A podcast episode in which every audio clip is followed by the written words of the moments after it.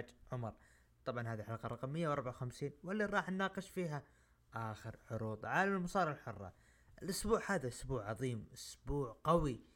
شفنا فيه أحداث في عالم المصارعة خارج عالم المصارعة ولا شيء وأهم من الحدث العظيم اللي هو يوم التأسيس في وطننا الغالي ورحبوا معي وارحب بضيفي وحبيبي وأخوي الغالي أبو عوف. يا هلا ومرحبا. يا هلا والله فيك الباريستا عبد الرحمن. مساك الله بكل خير ومساكم الله بكل خير حبايبنا المستمعين في حلقة جديدة ومتجددة من بودكاست ركن الحلبة. إن شاء الله تكون حلقة جميلة وممتعة في نفس الوقت. طبعا امتدادا لكلام عبد الرحمن آه، بذكرى يوم التأسيس آه، آه، لوطننا الغالي. طبعا نزلنا تغريدة في حسابنا على تويتر تكلمنا فيه أنه وحدتنا وترابطنا جيلا بعد جيل وأساس قوتنا وامتداد أمجادنا. كل عام والوطن بخير كل عام والوطن في رخاء وفي ازدهار وفي تطور وفي نعيم نعيش فيه. وإن شاء الله يدوم هذا النعيم إلى الأبد إن شاء الله. طبعا على طاري أخونا عمر أيضا نوجه للأخ تحية من هذا المنبر بعد ما أجرى العملية البسيطة اللي صارت له وتكللت بالنجاح. فنقول الحمد لله على السلامة ونلقاك إن شاء الله في البودكاست قريبا بإذن الله. وكذلك رحب واعيد الترحيب لعبد الرحمن اللي من زمان ما تواجهنا في البودكاست. فجدد لك التحية يا أبو داحم. والله كذا اعتقد من شهر واحد. آه رجعنا في آخر شهر اثنين. من, من ال Rumble احرجتني والله يعني مع مع إنه أنا ناوي يعني أجردك يعني بعد خسارة البرشا. أول شيء حمد على سلامة حبيبنا عمر والحين متشقق من الفرحة بعد ما خسر برشلونة وطلع من ال Europa League. أعوذ بالله مسؤول منقلب الأسبوع هذا أسبوع كروي عظيم شفنا فيه فوز الإنتر على بورتو بهدف مقابل لا شيء وفوز أتلتيكو أتلتيكو. فوز أو تعادل السيتي وكذلك آه، لايبزيج واحد واحد. وش في مباريات بعد؟ ريال فاز خمسة على الليفر أوه ريمونتادا تاريخية هذه هذه هذه. كلمة حق يجب ان تقال اللي قاعد يسوي ريال مدريد بالسنوات الأخيرة هذه لا يمكن أن يجي نادي يوم من الأيام يسويه أنا يوم شفت مباراة 2-0 قلت بس خلاص انتهت. الليفر عاد لكن ترجع بالخمسة وين بالأنفيلد؟ يعني شيء قوي جدا اللي صار واستحقاق لهم الفوز. الأسبوع هذا ها كيف أسبوعك؟ مصارعة مبسوط سعيد Chamber. نبي نجي لل Chamber. والله بالنسبة لي كان أسبوع خفيف وبسيط. تعرفين الأيام هذه كانت final لكن الحماس اللي جاء لل Chamber والأحداث اللي سبقت العرض أو حتى اللي جات بعده أكيد تخلي الواحد يظهر ويتناقش في بعض الأمور اللي شوي فيه حساسية بالنسبة لي هذا اللي أنا أشوفه خلال العروض لكن بإذن الله تكون حلقة حلوة. ما أدري تبغى نتكلم عن المباريات ولا نخش في المصارعة على طول؟ لكن كان أسبوع حلو صراحة كان يعني فيه شفنا عودة الأرسنال من جديد للنتائج الإيجابية واستمراروا في الصدارة. هذا شيء بالنسبة لي كويس. كذلك برشلونة أيضا حافظ على الصدارة لكن خذلنا صراحة في قبل ساعتين تقريبا. الخسارة اللي صارت من اليونايتد لما أنا كنت أتوقع الخسارة لأن موقع المباراة في الأولد ترافورد آه، كان واضح إنه اللعيبة أصلا ما هو جاهزين نفسيا لو ترجع تشوف المباراة. آه، ما كانوا جاهزين.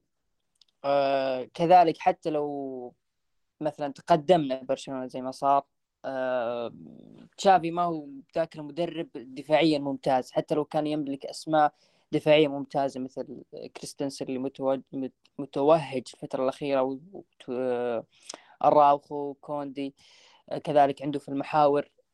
كيسيه وديونج لكن ما هو ذاك المدرب اللي يقدر يقفل خطوط. والدليل لما رجع اليونايتد سواء في الأهداف أو حتى بالهجمات المرتدة اللعيبة متراجعين لكن الخطوط متباعدة. فإيش الفائده اللعيبة متراجعين؟ وممكن أيضا نضع الأسباب الإصابة اللي صارت للنادي من ديمبلي و جافي وبيدري. كان تأثيرهم واضح في المباراة. وخروج أوروبي آخر للأسف خروج مذل بالنسبة لي ومهان لكن على الله العوض إن شاء الله الموسم القادم والحفاظ يعني على الصدارة حاليا هو هدف آه، ديمبلي متعودين عليه انت الاصابات يعني وش الجديد؟ مم. لا بس كان قبل لا يصاب كان في آه، شوف لما كان ديمبلي موجود كان في تناوب في المستوى يعني لما كان ديمبلي طايح كان رافينيا يشيل الفريق لما كان رافينيا ونفس العكس. لكن الآن رافينيا طاح في مستوى في المباراة طاح مستوى برشلونة ما في أي لاعب ممكن يتكل عليه فصار اللي صار وخرج النادي. آه، بس هذا اللي عندي صراحة. طيب خلينا ندخل الحين لل ونبارك لك فوز الإنتر يلا يلا. من زمان ما باركنا لك فوز والله الإنتر والله. الإنتر يا فوز بشق الأنفس يعني. أنا كنت أقول كلمة لواحد من الشباب. الانتر ضد الأندية القوية ما عليه خوف لو خسر بيقدم مستوى. لكن دائما ضد الأندية المتوسطة الأسماء والضعيفة يكون الإنتر داخل ضد فريق قوي. يعني بورتو الانتر الإنتر كان في حياة بالهجوم على بورتو. بعد الطرد صح صح الإنتر على خفيف والحمد لله يعني قدروا رغم ال- ال- الاياب في ملعب الدراغو آه في آه دراجاو أو دراغاو في ملعب بورتو. والله نشوف إنه والله صعب خصوصا جمهورهم يعني جمهور قوي جدا. طيب ندخل. تقريبا في نقاط مشابهة للإنتر وبرشلونة. في المباريات السهلة مثلا انتر يضيعها برشلونة لما يتقدم ما يقدر يحافظ على الهدف لازم يخسر علشان يتحسن مستواه وهذا اللي أنا أشوفه صراحة لما أتابع مباريات الفريقين. عندك الدوري يعني الدوري ها ها في في في آمل عكس الإنتر اللي نابولي جال جال شركة وحيدا في الصدارة. طيب آه كذا نقفل على ال- ال- ال- الكورة والأحداث اللي صارت.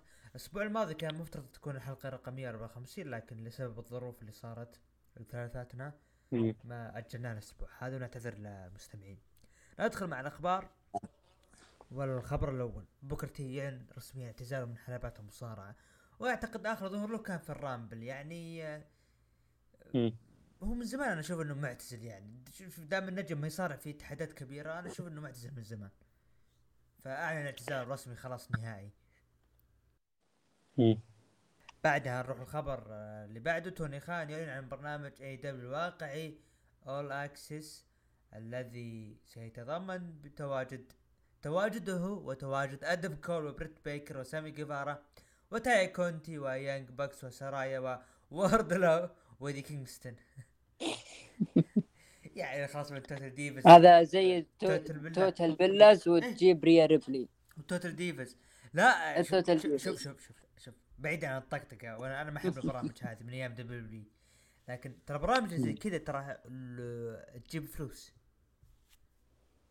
هو شوف آه، ال Elite أصلا أساسهم كان مثل هذه البرامج. Being The Elite وبناء قصصهم وسيناريوهاتهم كانت على ال كفلوقات ولا آخر من هذه الأمور. لكن السؤال هل هذا الوقت مناسب أنه توني خان يطلق برنامج أول أكسس برنامج واقعي بتواجد هذول النجوم؟ خصوصا إنه أصلا توني خان كان مسوي ضجة إنه راح يكون عنده إعلان مهم وكبير وضخم وإلى اخره بالنهاية برنامج واقعي. يعني ما أعتقد إنه هذه تستاهل إنه تروج لها بشكل كبير. لا شوف شوف شوف. لما تقول آدم كول بريت, بريت بيكر بتقول okay مقبول. آه سامي يعني جيفارا آه، وتاي كونتي بتقول okay يعني الاسماء هذه مقبول البرامج زي كذا. Young Bucks بتقول okay لهم خبرة بي- بيطقطقون. برضو سرايا ممكن لكن تقول لي واردلو وإيدي كينغستون أنا مستغرب. بيروح الحداك هو الناس اللي بي بيهتموا لهم الظاهر بيني وبينك دام التصنيف آه، 14 هو تاي كونتي و... وسامي جيفارا بيني وبينك يعني. خلينا نكون واقعيين. لكن okay ممكن يطلع منه شيء حاجة يعني دام إنه مبسوط. دام إنه.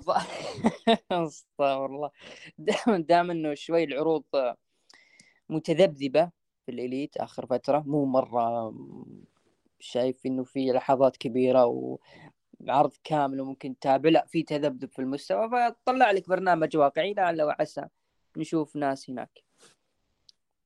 طيب حتى الآن ما صار شيء على ROH. أنا اللي أخبره إنه في عرض شهري قريب بس ما أدري متى. لكن ما له أي كلام ما في آه، أي ترويج له. أنا أعتقد انه على R شوف أنا أنا يعني حتى في الحلقة هذه راح أحلل اللي هو AEW لكن أنا بالنسبة لي يعني أنا كأني لمحت خبر إنه في شيء ل ROH بس خليني أتأكد يعني أثناء هو مقابلة له مع أحد القنوات في اليوتيوب تكلم عن ROH وقال إنه بيسوي بيسوي لكن ما أدري هل هو صادق ولا لا. على طاري المقابلات في واحد طلع في WW جاب للصمت لتوني خان نجي إن شاء الله. طبعا فينس مكمان لم يعد آه إلى فريق الإبداع وكل ما يحدث في عروض دبليو دبليو حاليا هو تحت إدارة تربل إتش. طلع في خبر إنه فينس رجع مسك الإدارة وما أدري إيش وفي ناس خصوصا من المجتمع المصارعه المصارعه العربي زعلانين. كيف يرجع؟ إحنا بنسحب العروض وما أدري إيش و وكله بالأخير يعني مجرد كلام يعني. هم نفسهم اللي يقول بيسحبون ما راح يسحبون راح يتابعون العروض. ف يعني هذا هو الخبر ونروح مع الخبر اللي بعده والأخير اللي أنا حتى أبو عوف استغرب من يعني اختيار الخبر هذا بالذات. اللي هو اندرتيكر صرح بأنه بروك ليزنر رياضي لن يتكرر في العمر. حلو حلو. مين اللي مصرح؟ اندرتيكر حلو. في ناس الفترة الأخيرة أنا قاعد أشوفها في تويتر قاعدة تهاجم بروك ليزنر بأنه عاهة بأنه ما يستحق اللي قاعد يصير له وأنه نجم مضخم وأنه وأنه واو إلى آخره. لما نجي نسأل الأشخاص هذولا هل اللي صار لي اللي قاعد يصير الآن ما بينك وما بين بروك ليزنر إيش أسبابه؟ هل هو نجم مو قادر يقدم مستوى؟ الإجابة لا هل هو نجم مو قادر يتكلم بالمايك؟ الإجابة لا بروك ليزنر من 2012 إلى هذه اللحظة قاعد يقدم أشياء باستثناء راندي وسينا وبنك وتيكر قاعد تقدم أشياء أسطورية في الدبليو مباريات. أعطني مباراة كان بروك ليزنر ضعيف فيها. أعطني مباراة كان بروك ليزنر جايب رومان لا لا ما كان ما كان اتكلم هو شايل مباراة رومان أي واحدة تبي أنت؟ آه ماني 34 و 38 هو اللي شايلها. كلها كلها هو اللي شايلها. لا بس أنت قلت المستوى كان ضعيف. أتكلم من شخص إنه هو اللي كان ضعيف ما. أنا بالنسبة لي أنا أرى انه بروك اللي جالس يسويه من 2012 إلى هذه اللحظة. باستثناء النجوم اللي ذكرتهم الأربعة ما في نجوم آخرين يقدرون يسوون الشيء هذا. أتكلم منطقيا. لما نجم يكون مو قادر يتكلم أنا أتفهم إنك أنت تستنقص من بروك. لما تقول إنه مو قاعد تقدم شيء بالحلبة أنا أتفهم. لكن بروك تقول إنه اوه بروك عاها ومدري إيش. بنجيها في عرض الرو اللي صار أنا أنا أنا أتفق اللي قاعد يصير إنه يزعل اللي قاعد ما بعد عداوة بروك وبوبي. لكن بروك! تقول إنه عاهة يعني أتمنى تراجع حساباتك يا الكلام هذا موجه للجميع لكل شخص ينتقد بروك. أنا ماني من من عشاق بروك ماني من شبيحة بروك. أنا شخص قاعد أشوف بروك يقدم منتج منتج عظيم. والناس مبسوطة باللي صار في ال Raw ليش؟ يقولون يلا هذا هذا هذا مكانك يا بروك يا أخوان اللي كسر سلسلة تيكر اللي قدم عداوة أسطورية مع سينا مع إيتش. سلسلة مباريات رومان سيث بانك جولدبرغ نجم زي كذا. يستنقص منه. أنا عارف بعدها بفترة انه اللي يست... اللي يستنقصون من بروك يرجعون يطبلوا له المباريات الثانية أنا متأكد. يعني ممكن مباراة ترى يعني المباراة الوحيدة اللي أنا اعتبر بروك ضد دين أمبروز. رغم إنه أنا ألوم دين أمبروز لكن آه يعني هذا دين أمبروز وقتها يعني ممل. بس طاح مع بروك لك المايك يا أبو باللي صاير. الله يشوف آه، نبي ناخذ الموضوع حبة حبة. آه، نبدأ أول شيء بتصريح اندرتيكر كون إنه قال إنه بروك ليزنر رياضي لن يتكرر في الحياة. شوف هو كشخص قادم من الرياضة بالذات نتحدث عن المصارعة الرومانية. ممكن اثنين هم اللي برزوا جاي من هذا العالم وسووا نقلة كبيرة في المجال في الدب دبليو خصوصا. آه، الحديث رقم واحد أكيد كرت أنجل. رجل يعني قدم شيء كبير في الدبليو دبليو كشخص قادم من آه، الرياضة هذيك ولا تنسى أنه كان بطل أولمبي. آه، فجاء خلص من الأولمبياد وعلى طول جاء للدب دبليو جلس سنة فقط وصار بطل دب دبليو نفس الحال تقريبا بروك ليزنر رغم إنه بروك ليزنر ما شارك في الأولمبياد لكنه في أقل من آه، ممكن نقول أربع شهور ظهر هو في أبريل وأخذ اللقب في August. يعني تقريبا أربع شهور تقريبا. وسوى آه، كان بط أصغر بطل لقب دبليو لكن هل هو من رياضي اللي لن يتكرر؟ أنا أشوف بصراحة كيرت آنجل ممكن هو اللي رياضي لن يتكرر مو تقليل من بروك لكن أنا أشوف إنه ممكن نفضل كيرت آنجل بصراحة ك... إذا كان يقصد كرياضي. أه نجي لي أه كلامك بخصوص بروك عاهة والله شوف لا نختلف إنه مزاجية بروك ليزنر كانت طاغية بشكل كبير على مسيرته.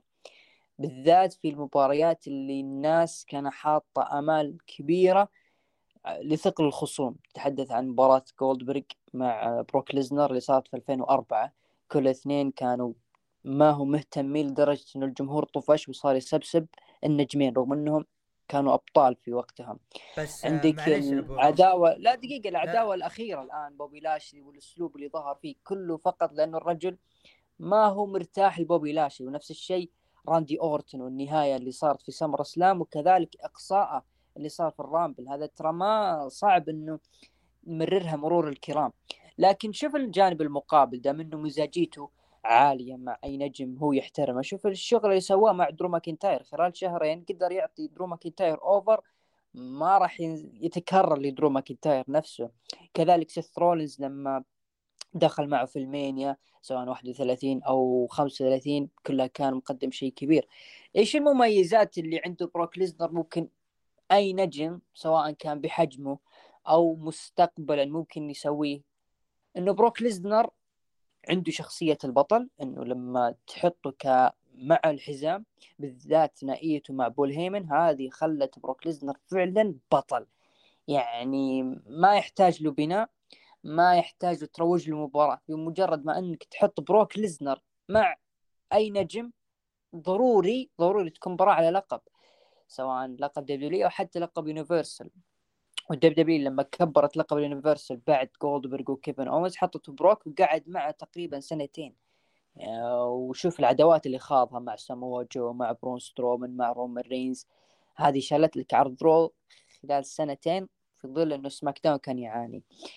الأشياء الكبيرة اللي سواها بروك ليزنر لما كسر السلسلة وكان رهان جدا كبير لبروك ليزنر. وفي نفس الوقت كسر هيمنة سينا في نفس السنة فكان شيء كبير وقتها. لكن المزاجية كانت طاغية مع لاشلي مع دين أمبروز مع مع راندي مع ريدل أيضا ما ما كان معطيه اهتمام.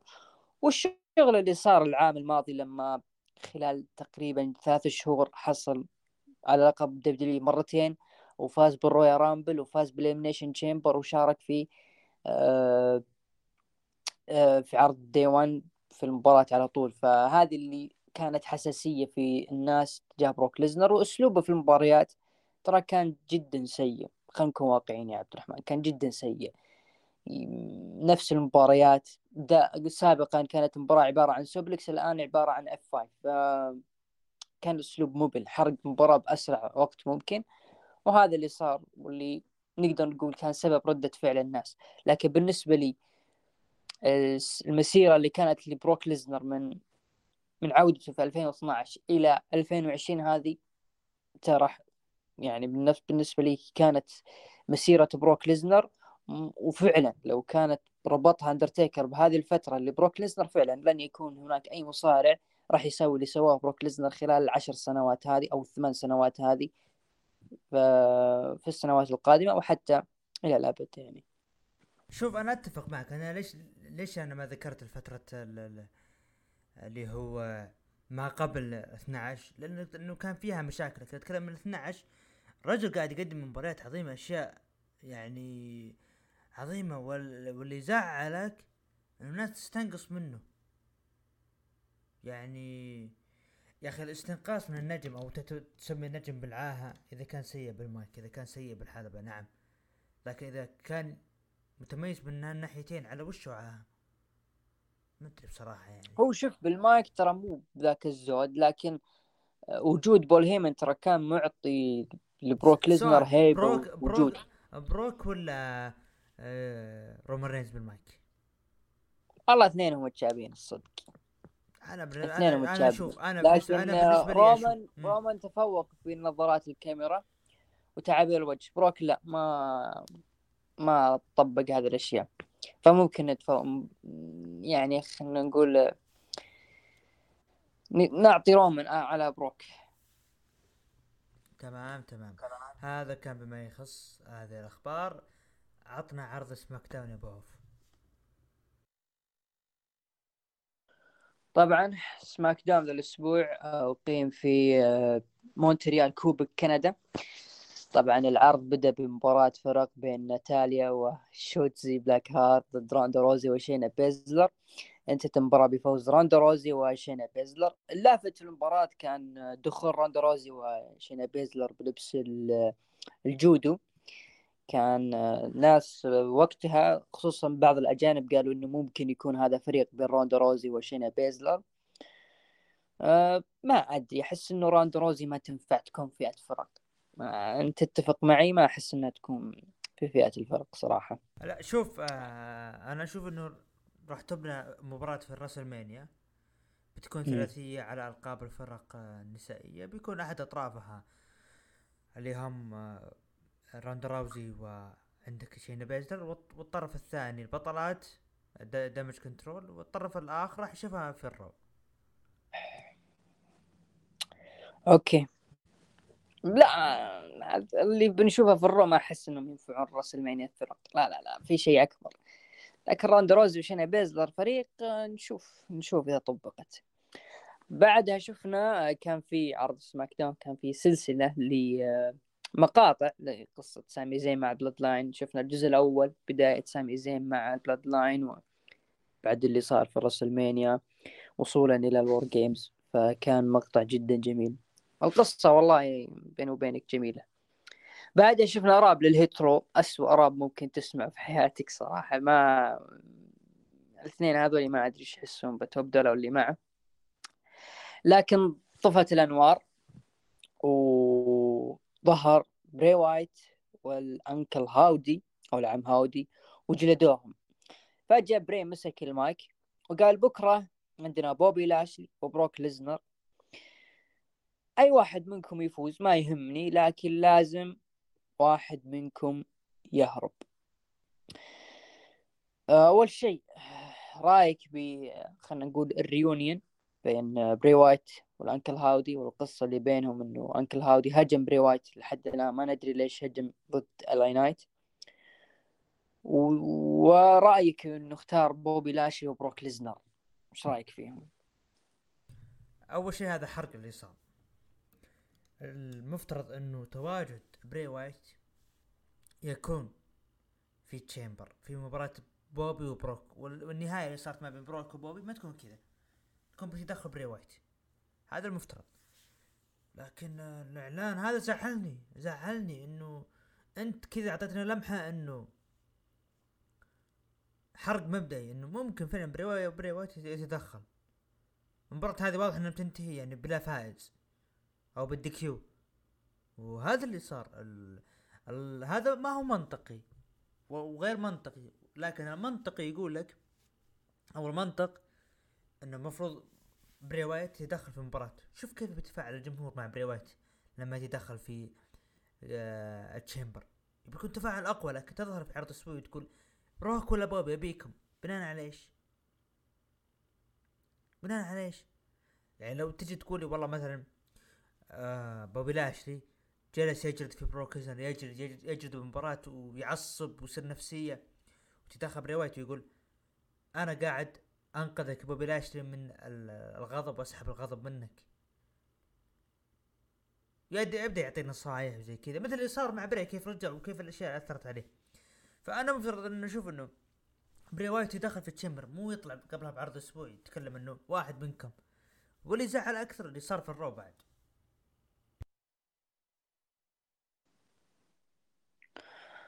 أنا بالنسبة لي بري وايت أول شيء آه، ارفع سروالك الله لا يهينك صراحة. إذا أنت بتستمر بهذا المنطق الغريب فما أدري وش الفرق بينك وبين يوجين إلا إنه أنت شخصية ظلامية فقط. اثنين الهجوم لل Uncle Howdy وظهوره فجأة بجانب بري وايت ولا كان في شيء صار. ليش؟ أنا بالنسبة لي انحرقت شخصية ال Uncle Howdy ما صار لها أي اهتمام بخلاف الشيء اللي كان يصير آه، مع LA Knight كان ظهور Uncle Howdy جدا قليل على الحلبة. وما ظهر إلا مرة واحدة لما هجم بري وايت. المفروض المرة الثانية تكون في لحظة أفضل بكثير من أنه يتدخلون على ال Hit Row بصراحة يعني ما عجبتني اللقطة ولا عجبني ال reunion. ما أدري وش ال... يعني إيش الهدف اللي كان من الهجوم وإيش ال... اللي صار بعدين يعني. ثلاثة وش ال history اللي بينك يا بري وايت علشان تطلب بوبي لاشلي وبروك أو بروك ليزنر؟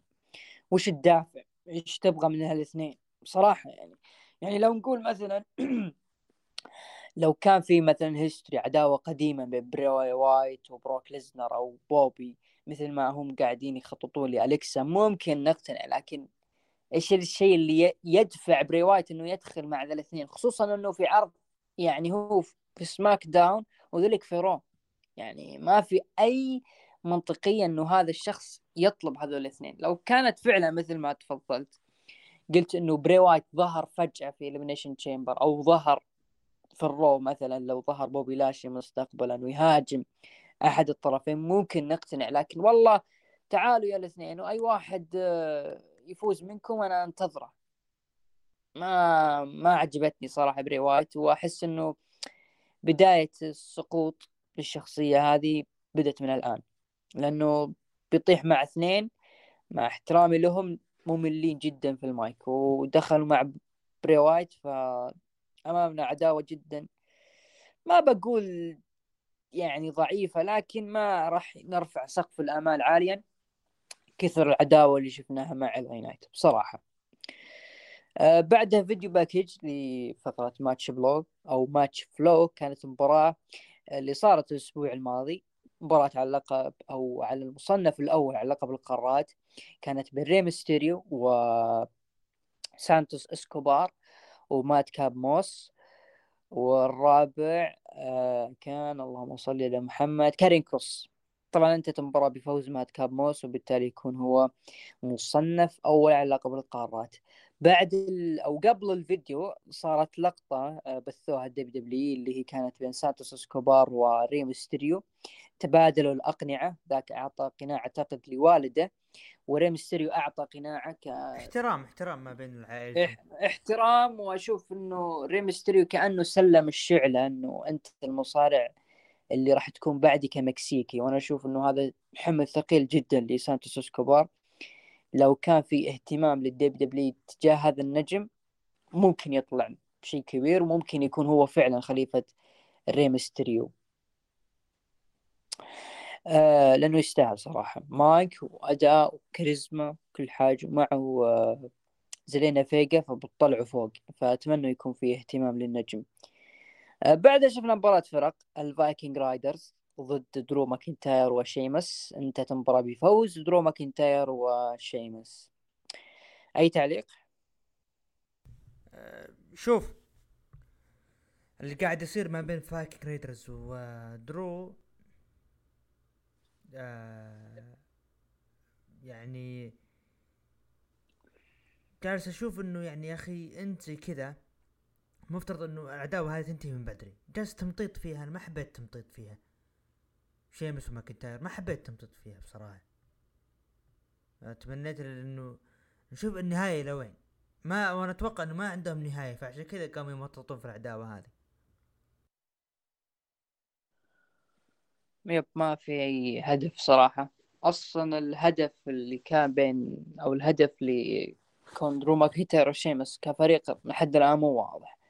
هل بتكون عصابة بريطانية؟ هل بيكون درو ماكنتاير دور؟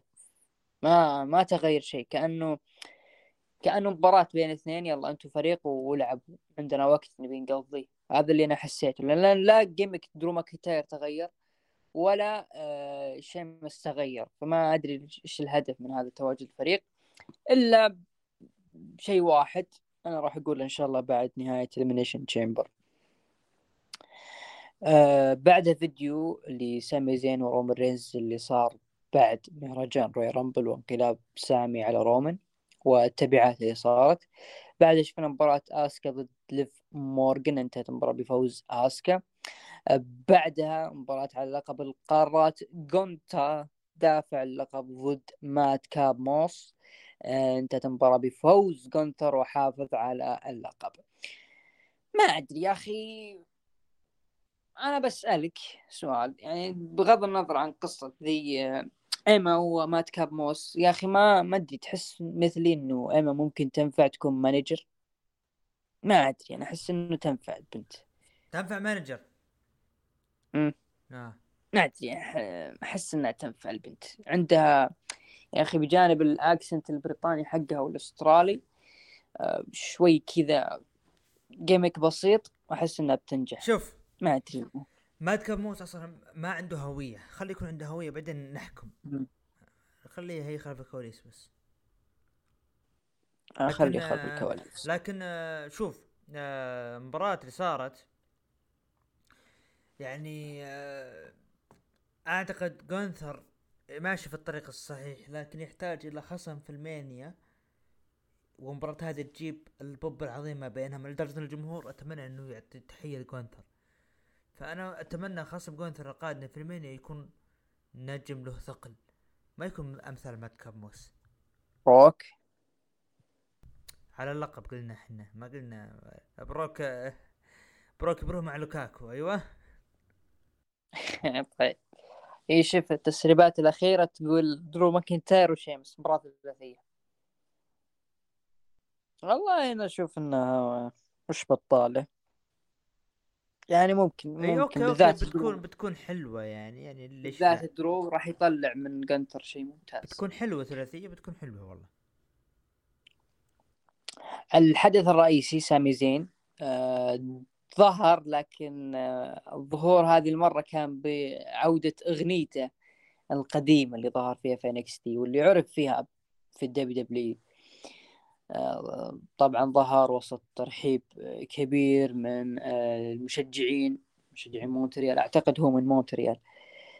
آه جلس كذا يبكي والجمهور يشجعونه you deserve إلى آخره من ال- الهتافات.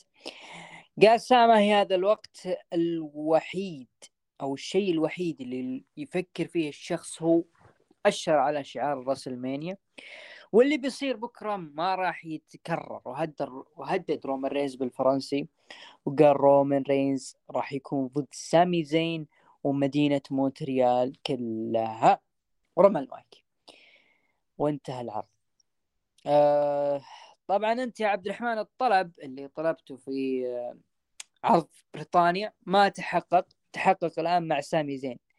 فايش رأيك بالعودة اللي صارت واستقبال جماهير مونتريال بين مدينتهم. سامي زين. استقبال عظيم. استقبال رائع وعظيم جدا. يعني هو شوف أنا متحمس ظهور الأغنية بال Chamber أكثر من SmackDown. أحس بيكون لها ثقلها أكبر. لكن آه، قدروا يعني بذكاء الكتاب Triple H. المره يلا نمدحهم هالمرة يعني رغم إنهم دائما يجيبون العيد. لكن طريقة اختيار الأغنية بالتوقيت وردة فعل الجمهور آه، هذا يأكد لك إنه سامي زين آه، هو الرقم واحد في ال Bloodline بعد رومان رينز. سامي زين هو أو يعتبر خلال ست شهور هو الرقم واحد. هو الأعلى وصل مرحلة إنه تعدى رومان رينز من ناحية الهتافات. جمهور يهتف لك كامل. عروض عروض أمريكا الجمهور يهتف لسامي زين. عرض السعودية لما صار آه، اللي هو اللي هو Crown Jewel اللي في الرياض. مؤتمر. المؤتمر. الجمهور كان كيف آه، ردة فعله؟ اللي حاضر المؤتمر؟ كله want سامي. we want سامي فسامي هذا اثبت لك إنه نجح في هذه العداوة. وقدم مو. بالعداوة كثر القصة. قلتها مع عمر الأسبوع الأسابيع الماضية قلت أنا ما أدري كيف كان بيكون وضع ال Bloodline دون سامي زين.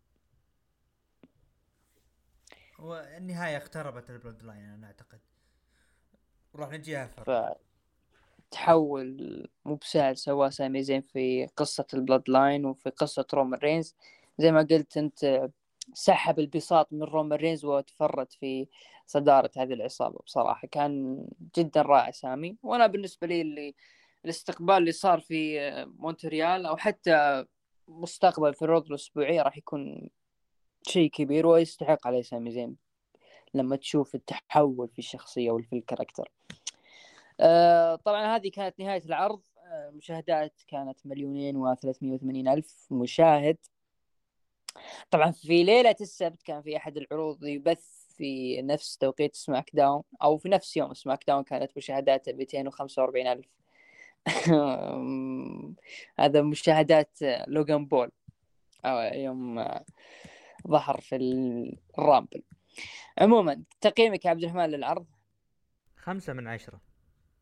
خمسة من عشرة مثلك تقريبا عرض جيد خمسة من عشرة.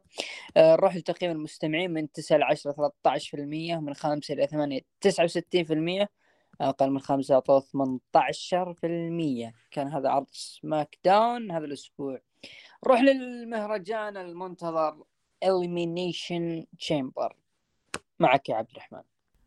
Elimination Chamber 2023 العرض الذي أقيم في كندا وتحديدا في مونتريال وعدد الحضور كان تقريبا 17 ألف كلهم ينتظرون سامي زين. افتتاحية العرض مباراة Elimination Chamber على لقب نساء ال Raw مباراة مدتها 19 دقيقة. المشاركات اسكا كارميلا ليف مورغان ناتاليا نيكي كروس راكيل رودريغيز. بقت أسكا وكارميلا آخر اسمين وأسكا تخضع كارميلا خلال 19 دقيقة وتصبح المصنفة الأولى على لقب نساء ال Raw راح تقابل اللي هي بيانكا بالير على اللقب أو حاملة اللقب. بيانكا بالير راح تقابل آسكا في WrestleMania 39 رأيك بالأفتتاحية؟ ما للأمانة ما شفت المباراة الصراحة آه لكن فوز آسكا كان فوز منطقي. آه البنت تستاهل. واضح أن لها hype كبير. آه واضح أن البناء اللي صار لها في ال Rumble وكذلك التركيز عليها في العروض الأسبوعية يعطيها انطباع أنه البنت بهذه الشخصية بهذا ال character آه قادرة أنها تسيطر على آه فئة النساء في عرضها خلينا نقول. ما ودي أكبر اللقمة نقول فئة ال WWE لا في فئة عرضها. هي اللي سارقه الأضواء وتستاهل النجمة. آه، أحد الحسابات في التويتر آه، ناسي منه اللي قاله لكن قال إنه الشخصية الحالية لآسكا كانت مقتبسة من أليكسا بسبب ما لما كان براي وايت يحارشهم كثير. ف مثل ما تأثرت أليكسا تأثرت آسكا. وبان هذا الشيء في عرض ال Raw فأنا خايف إنه اللي صار لالكسا يصير لاسكا خصوصا إنه آسكا لها سجل موش كويس في ال WrestleMania أنت عارف انها لعبت أو ظهرت في ال WrestleMania مرتين وكلها على الألقاب وخسرت. فهل تكون الثالثة ثابتة مع واحدة مثل بيانكا بيلير بيانكا بنت نتمنى ذلك. بنت سينا الله يستر منها. آه. آل كوربن. يعني بعدها نروح مباراة. بعد نروح مباراة بوبي لاشلي ضد بروك مدة المباراة أربع دقائق انتهت المباراة بانتصار لي بوبي لاشلي بالدي كيو بعد ما نفذ بعد ما بروك نفذ حركة ضربة تحت الحزام على بوبي لاشلي. ووقف الطق يا أبو عوف. ف آه، بروك ليزنر بعد ما ضرب بوبي لاشلي الحكم وقف مباراة بانتصار لبوبي لاشلي خلال أربع دقائق واللي حاول عطنا رأي.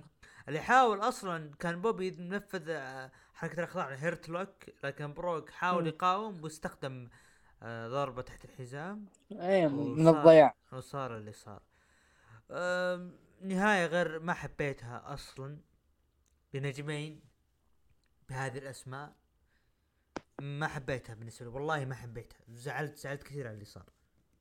هذا أنا رأيي أنا ما حبيت المباراة هذه. أوكي بروك أنا أحترمه واشوف إنه نجم عظيم. لكن اللي صار والله العظيم ما حبيته. أنا ما يعني. بروك أنا لا لا لا, لا مو عاهه العاهة اللي بيجي بياخذ اللقب من آه، ثيري.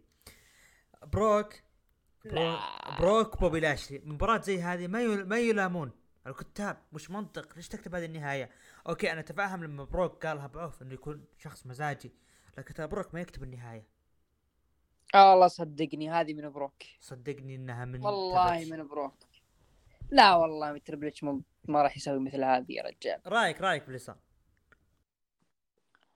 والله شوف العداوة اللي صارت صراحة سلسلة مبارياتهم قد تكون من أكثر آه، مباريات الأحلام اللي خيبت ظن الجماهير. وللأسف أنها ثاني عداوة للتوالي بعد إيدج وستايلز كذلك إيدج وفين بالر لكن آه، ال- الشيء اللي كان يفرد في بروك ليزنر وبوبي لاشلي إنه العداوة هذه مو بس كانت عداوة إحلام لسنوات طويلة بالنسبة لمشجعي المصارعة بل حتى كان لحقين ال MMA كانوا يصممون مباريات لعل وعسى إنه بروك ولاشلي يكون لهم مباراة في القفص. لكن صارت في في ال WWE وتعتبر هذه عداوة أحلام لبوبي لاشلي لكن للأسف مزاجية بروك كانت طاغية في ال- العداوة هذه. ما هو مقتنع في بوبي لاشلي؟ يا رجل حتى لما فاز بوبي في لقب ال WWE ما كانت طريقة ال ال كانت ال النهاية فقط في صالح رومان رينز وبروك ليزنر ما هي في صالح بوبي لاشلي. ما تدري وقتها في ال Rumble كيف لاشلي فاز. وعلى طول خسروا اللقب. وهذا يؤدي إلى شيء ثاني إنه بروك ليزنر وبوبي لاشلي هم آخر أبطال لقب WWE قبل لا يوحدهم رومان رينز.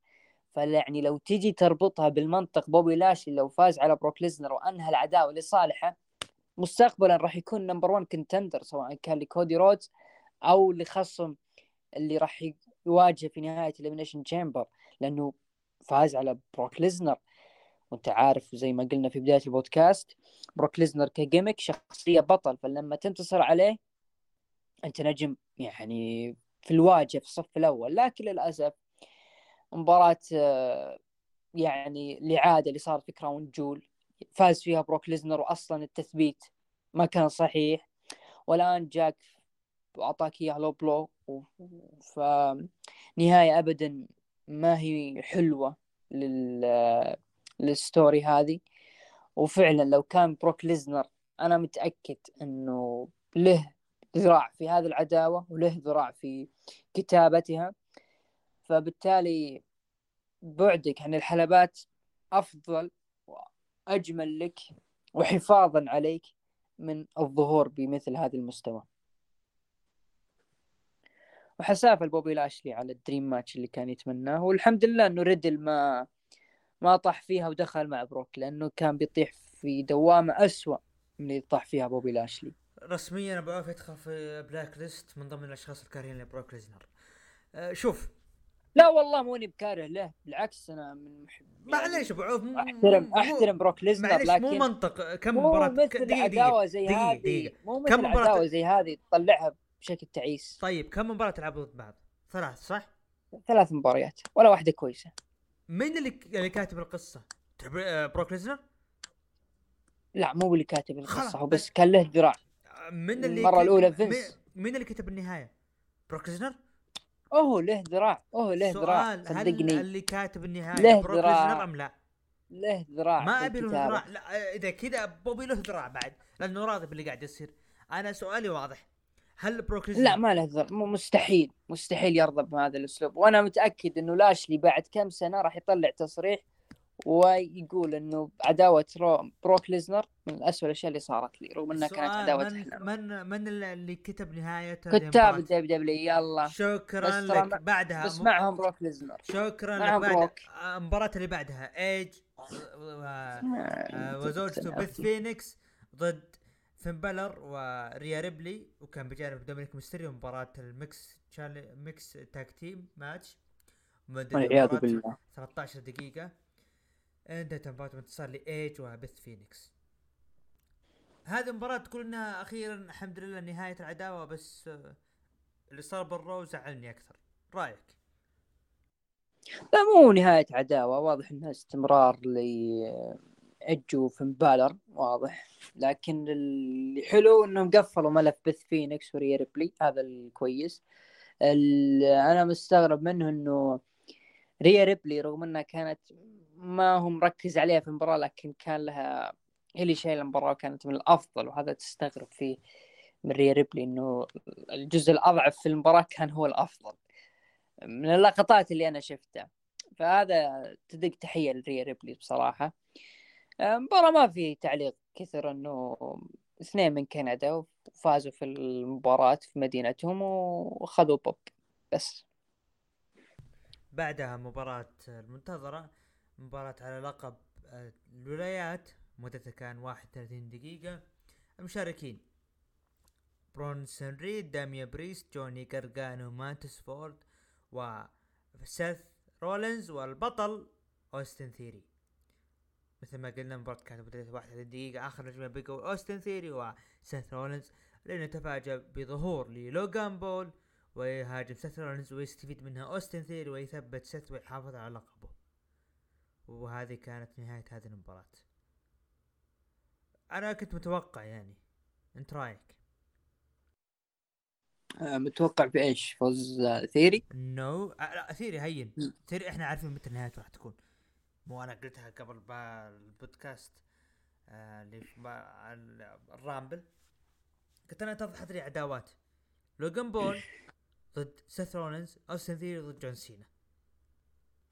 أنا قلتها هذه وهذا اللي واضح وهذا اللي, اللي أكد لي الآن. وعرض ال Raw أكد لي بعد أكثر وأكثر.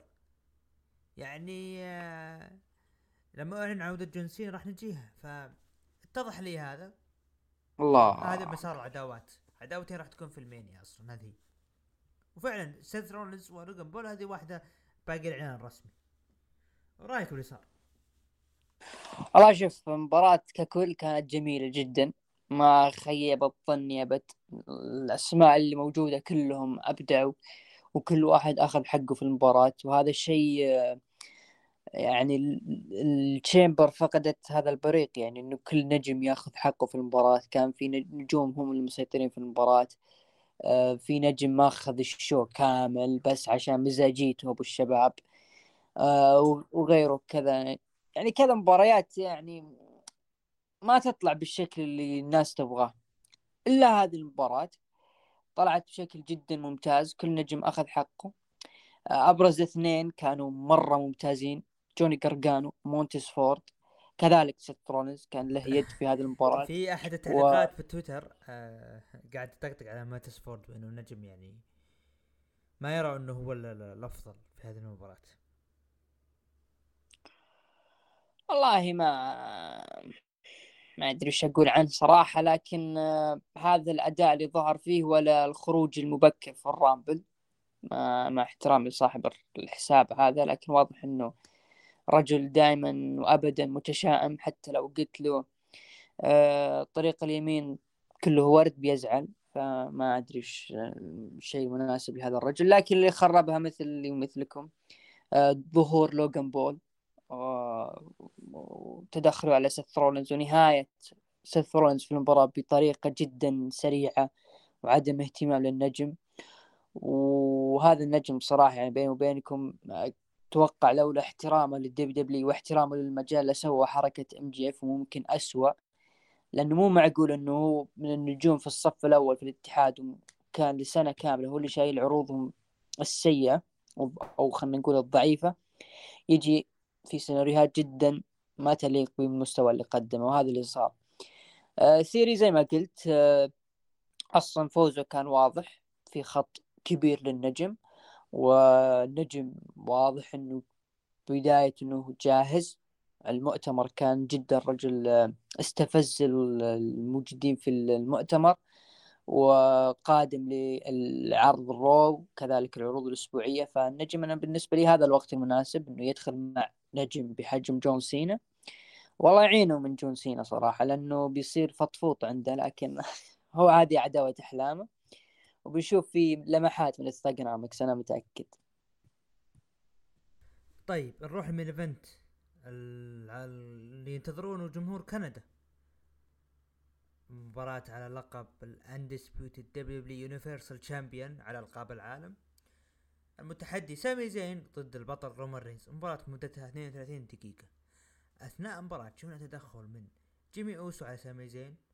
لكن ما قدر رومان ينتصر سامي فك العد دخل جاي رومان رينز عطى الكرسي لجاي وقالوا اجلد فيها رومان اجلد, اجلد فيها. سامي زين؟ لكن آه، جاي اعطانا حركة إنه قريب يضرب رومان رينز لكن رومان رينز التفت له وجلده وجاء سامي بينفذ حركة التسبيع على رومان رينز لكن صارت الحركة على جاي أوسو ورومان رينز يقلب الدنيا ويثبت. سامي زين وينتصر خلال 32 دقيقة. بعد المباراة دقت موسيقى مين؟ كيفن أوينز اللي يدخل وينقذ سامي زين. وسامي ينفذ آه، ويهاجم على رومان ويجلده وتنتهي وينتهي هذا العرض بهذه النهاية. رأيك بالمباراة؟ وهل هذه كانت هي النهاية المفترض تصير؟ اللي ما بعد المباراة؟ أول شيء قبل آه، الحدث الرئيسي كان في ظهور لمذيع أريال هلواني. المعروف ظهر في SmackDown وكذلك ظهر في Elimination Chamber وهذا اللي زعل توني خان. يا أخي أنت مقابلني قبل آخر كم حلقة وتظهر في عروض دبليو بي لايف فهنا حمق منها توني خان. ومتوقع راح يختار المذيعين المناسبين سواء كانوا من فئته أو أقل. بالنسبة للمباراة آه، أنا أرى أنه طلعت بالشكل اللي ممكن تكون بالشكل اللي, يليق فيها كتابيا.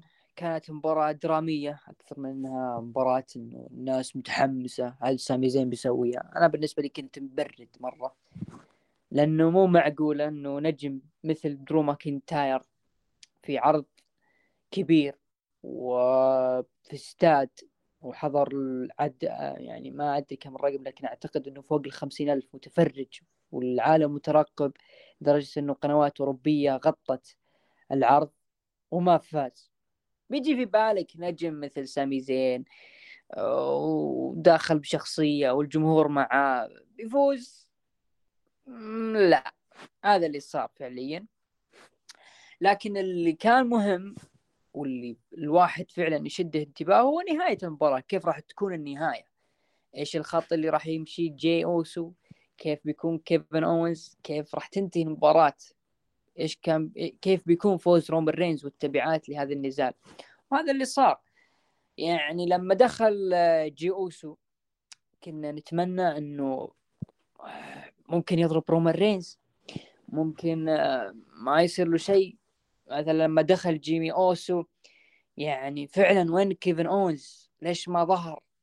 يعني ويتدخل ويصارع ويدافع عن سامي زين. يا أخي أنتم كلكم أو العرض يقام في مدينتكم.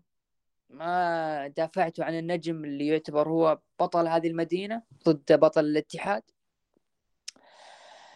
سامي زين قدر قدم أداء ممتاز مع رومان رينز. والنهاية انتهت لصالح رومان رينز. دخل كيفن اونز بصراحة ما كان لها أي فائدة يعني ما ما عالجت الموضوع ولا رجعت القصة ولا رجعت شيء صار في المباراة. يعني كان ظهوره من عدمه. كان في لحظة كان ممكن يساعد الموضوع لما رومان رينز ضرب سامي زين عند عائلته. كان مفروض يكون في لحظة درامية إنه مثلا زوجته تتوسل لرومان رينز كون انه زعيم القبيلة. فكت عن سامي. وأعتقد أخو سامي كان موجود في الحضور. ما أدري هل هو سامي أو نسيبه. آه، اللي أخو زوجته كان مفروض يكون له دور. ما صارت فطلعت بشكل ضعيف. لكن ما عجبتني النهاية. كان كان في بالي إنه ممكن سامي زين يفوز لكن بال DQ وتكون مباراة ثلاثية في ال Mania. علشان تجاري هذا ال over اللي أخذه سامي. زين لكن في عبارة قالها تريبل اتش اختصرت كل الخطوط اللي جالس يعيشها رومان رينز ومستقبل العروض اللي هي ما إحنا قادرين نسعد كل الجماهير. هو قالها بطابع مزح لكن لها رسائل وتبعات. إحنا ليش ما خلينا درو ماكنتاير يفوز؟ ليش ما خلينا سامي زين يفوز؟ ليش ما خلينا سيث رولنز اللي فاز عليه درو أو اللي فاز على رومان رينز بال DQ ما ياخذ فرصة ثانية ويطلع مع رومان رينز. كل هذول الثلاث أسماء عبارة عن اشخاص هم خطر على ال business على business ال WWE كيف؟ هل هم يعني على ال WWE ممكن يسببوا لهم خسائر ضعف مشاهدات؟ لا لا. في business ماشيين ال WWE business رومان رينز لو أعطينا درو ماكنتاير ال over وفاز في كاردف الناس راح تنسى شيء اسمه tribal chief. نفس الشيء سامي نفس الشيء سيث. اثنين عندهم خط درامي آخر مع كودي رودز.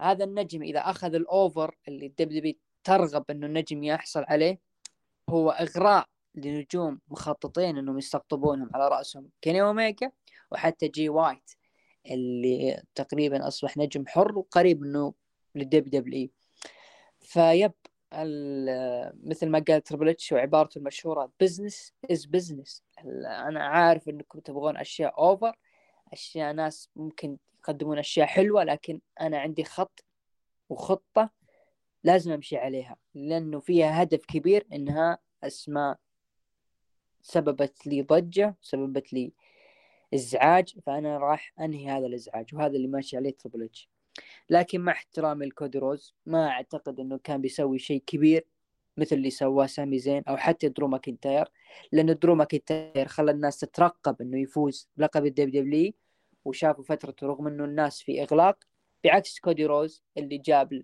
شاكيل أونيل وجاب مايك تايسون وجاب اللي جاب وأخذ لقب TNT وما حد كان مهتم له. هذه اختصار القصة. شوف آه أنا عندي إضافة. المفترض وأنا أتفق معك ما بعد المباراة. المفترض إنه يكون عشان عشان أنت مباراة زي كذا عشان تثبت العالم ان Bloodline قويين بدون سامي زين إنه كيفن اونز يدخل بأثناء المباراه بعد تدخل جاي ويصير هجوم من ال Bloodline اللي هو جاي وجيمي وكذلك هجوم من آه سولو سيكوا على كيفن اونز وسامي يتشتت ويحاول يساعد كيفن اونز لكن رومان رينز يقلب الدنيا ويثبت ويمسك المايك ويقول إنه أنا حطمتك سامي زين في ديرتك. ويرب ويقول يا كندا اعترفوا فيني ويرمي المايك ويمشي. ف المفترض إنه آه زي كذا هذا اللي يصير إنه أنت عشان تقوي مو بعد مباراة تخلي سامي زين يجلد رومان رينز أنا وش أستفيد منها؟ فهذا بالنسبة لي. أو أو كيفن اونز يتدخل بعد نهاية المباراة. يا أخي مو منطقي إنه تايسون فيوري وجيك بول كان لهم لحظات مع الجمهور أفضل من لحظة كيفن اونز هذا اللي أنا اشوفه مع سامي زين. حتى الجمهور لكن لاحظت شيء إنه كان الجمهور عطى شبه boo ل كيفن اونز ولا يتهيأ لي هم عطوا إيه كان في استهجان بسيط للعرض. آه بعد ما خسر سامي الجمهور كان في حالة صمت. رجعوه WWE دخلوا كيفن اونز كان في تشجيع بسيط لكن الناس ما كانت مهتمة. أنا أنا عن نفسي ما كنت مهتم لدخول كيفن. وقلت بدري بدري هذا الرجل يدخل. ليش ما دخل وسط المباراة لما دخل جيمي أوسو لما دخل جاي ومع الكرسي. معقول الرجل ماسك آدم بيرس ويقول له اقعد؟ مو مو بصحيح. فيب هذا اللي صار في نهاية العرض. تقييمك العرض والله عرض جيد. آه، ممكن أعطيه ستة ونص. آه، مباراة المينيشن كانت هي مباراة العرض. ما خيبت الظن أبد. كذلك ممكن نعطي أداء سامي زين والجمهور كانوا جدا متفاعلين معه. فأنا أرى ستة ونص مناسب له. أنا بالنسبة لي أنا أرى العرض ستة من عشرة. متابعين قيم العرض من 9 ل 10 ب 33% ومن 5 ل 8 قيموه. ب 47% وأقل من 5 قيموه.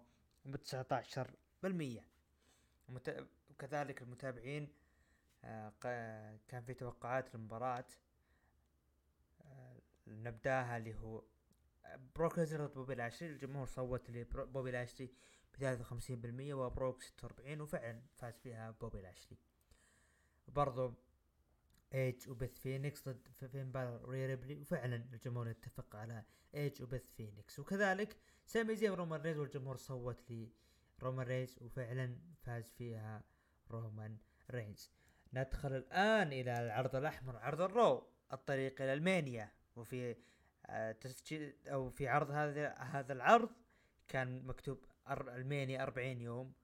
وأعتقد خلاص ما بقى شيء ما بقى شيء. 40 يوم آه، بغمضة عين الا إحنا واصلين بإذن الله. افتتاح العرض بدخول سامي زين إلى الحلبة. والجمهور لا بغمضة عين نحلل العرض. الله يحيينا حياة طيبة. الجمهور هتف باسم سامي زين وقال سامي أنا ممتن لكم والترحيب اللي صار من يومين. شكرا لكم. والجمهور رد بكلمة you deserve it أنت تستحق ذلك.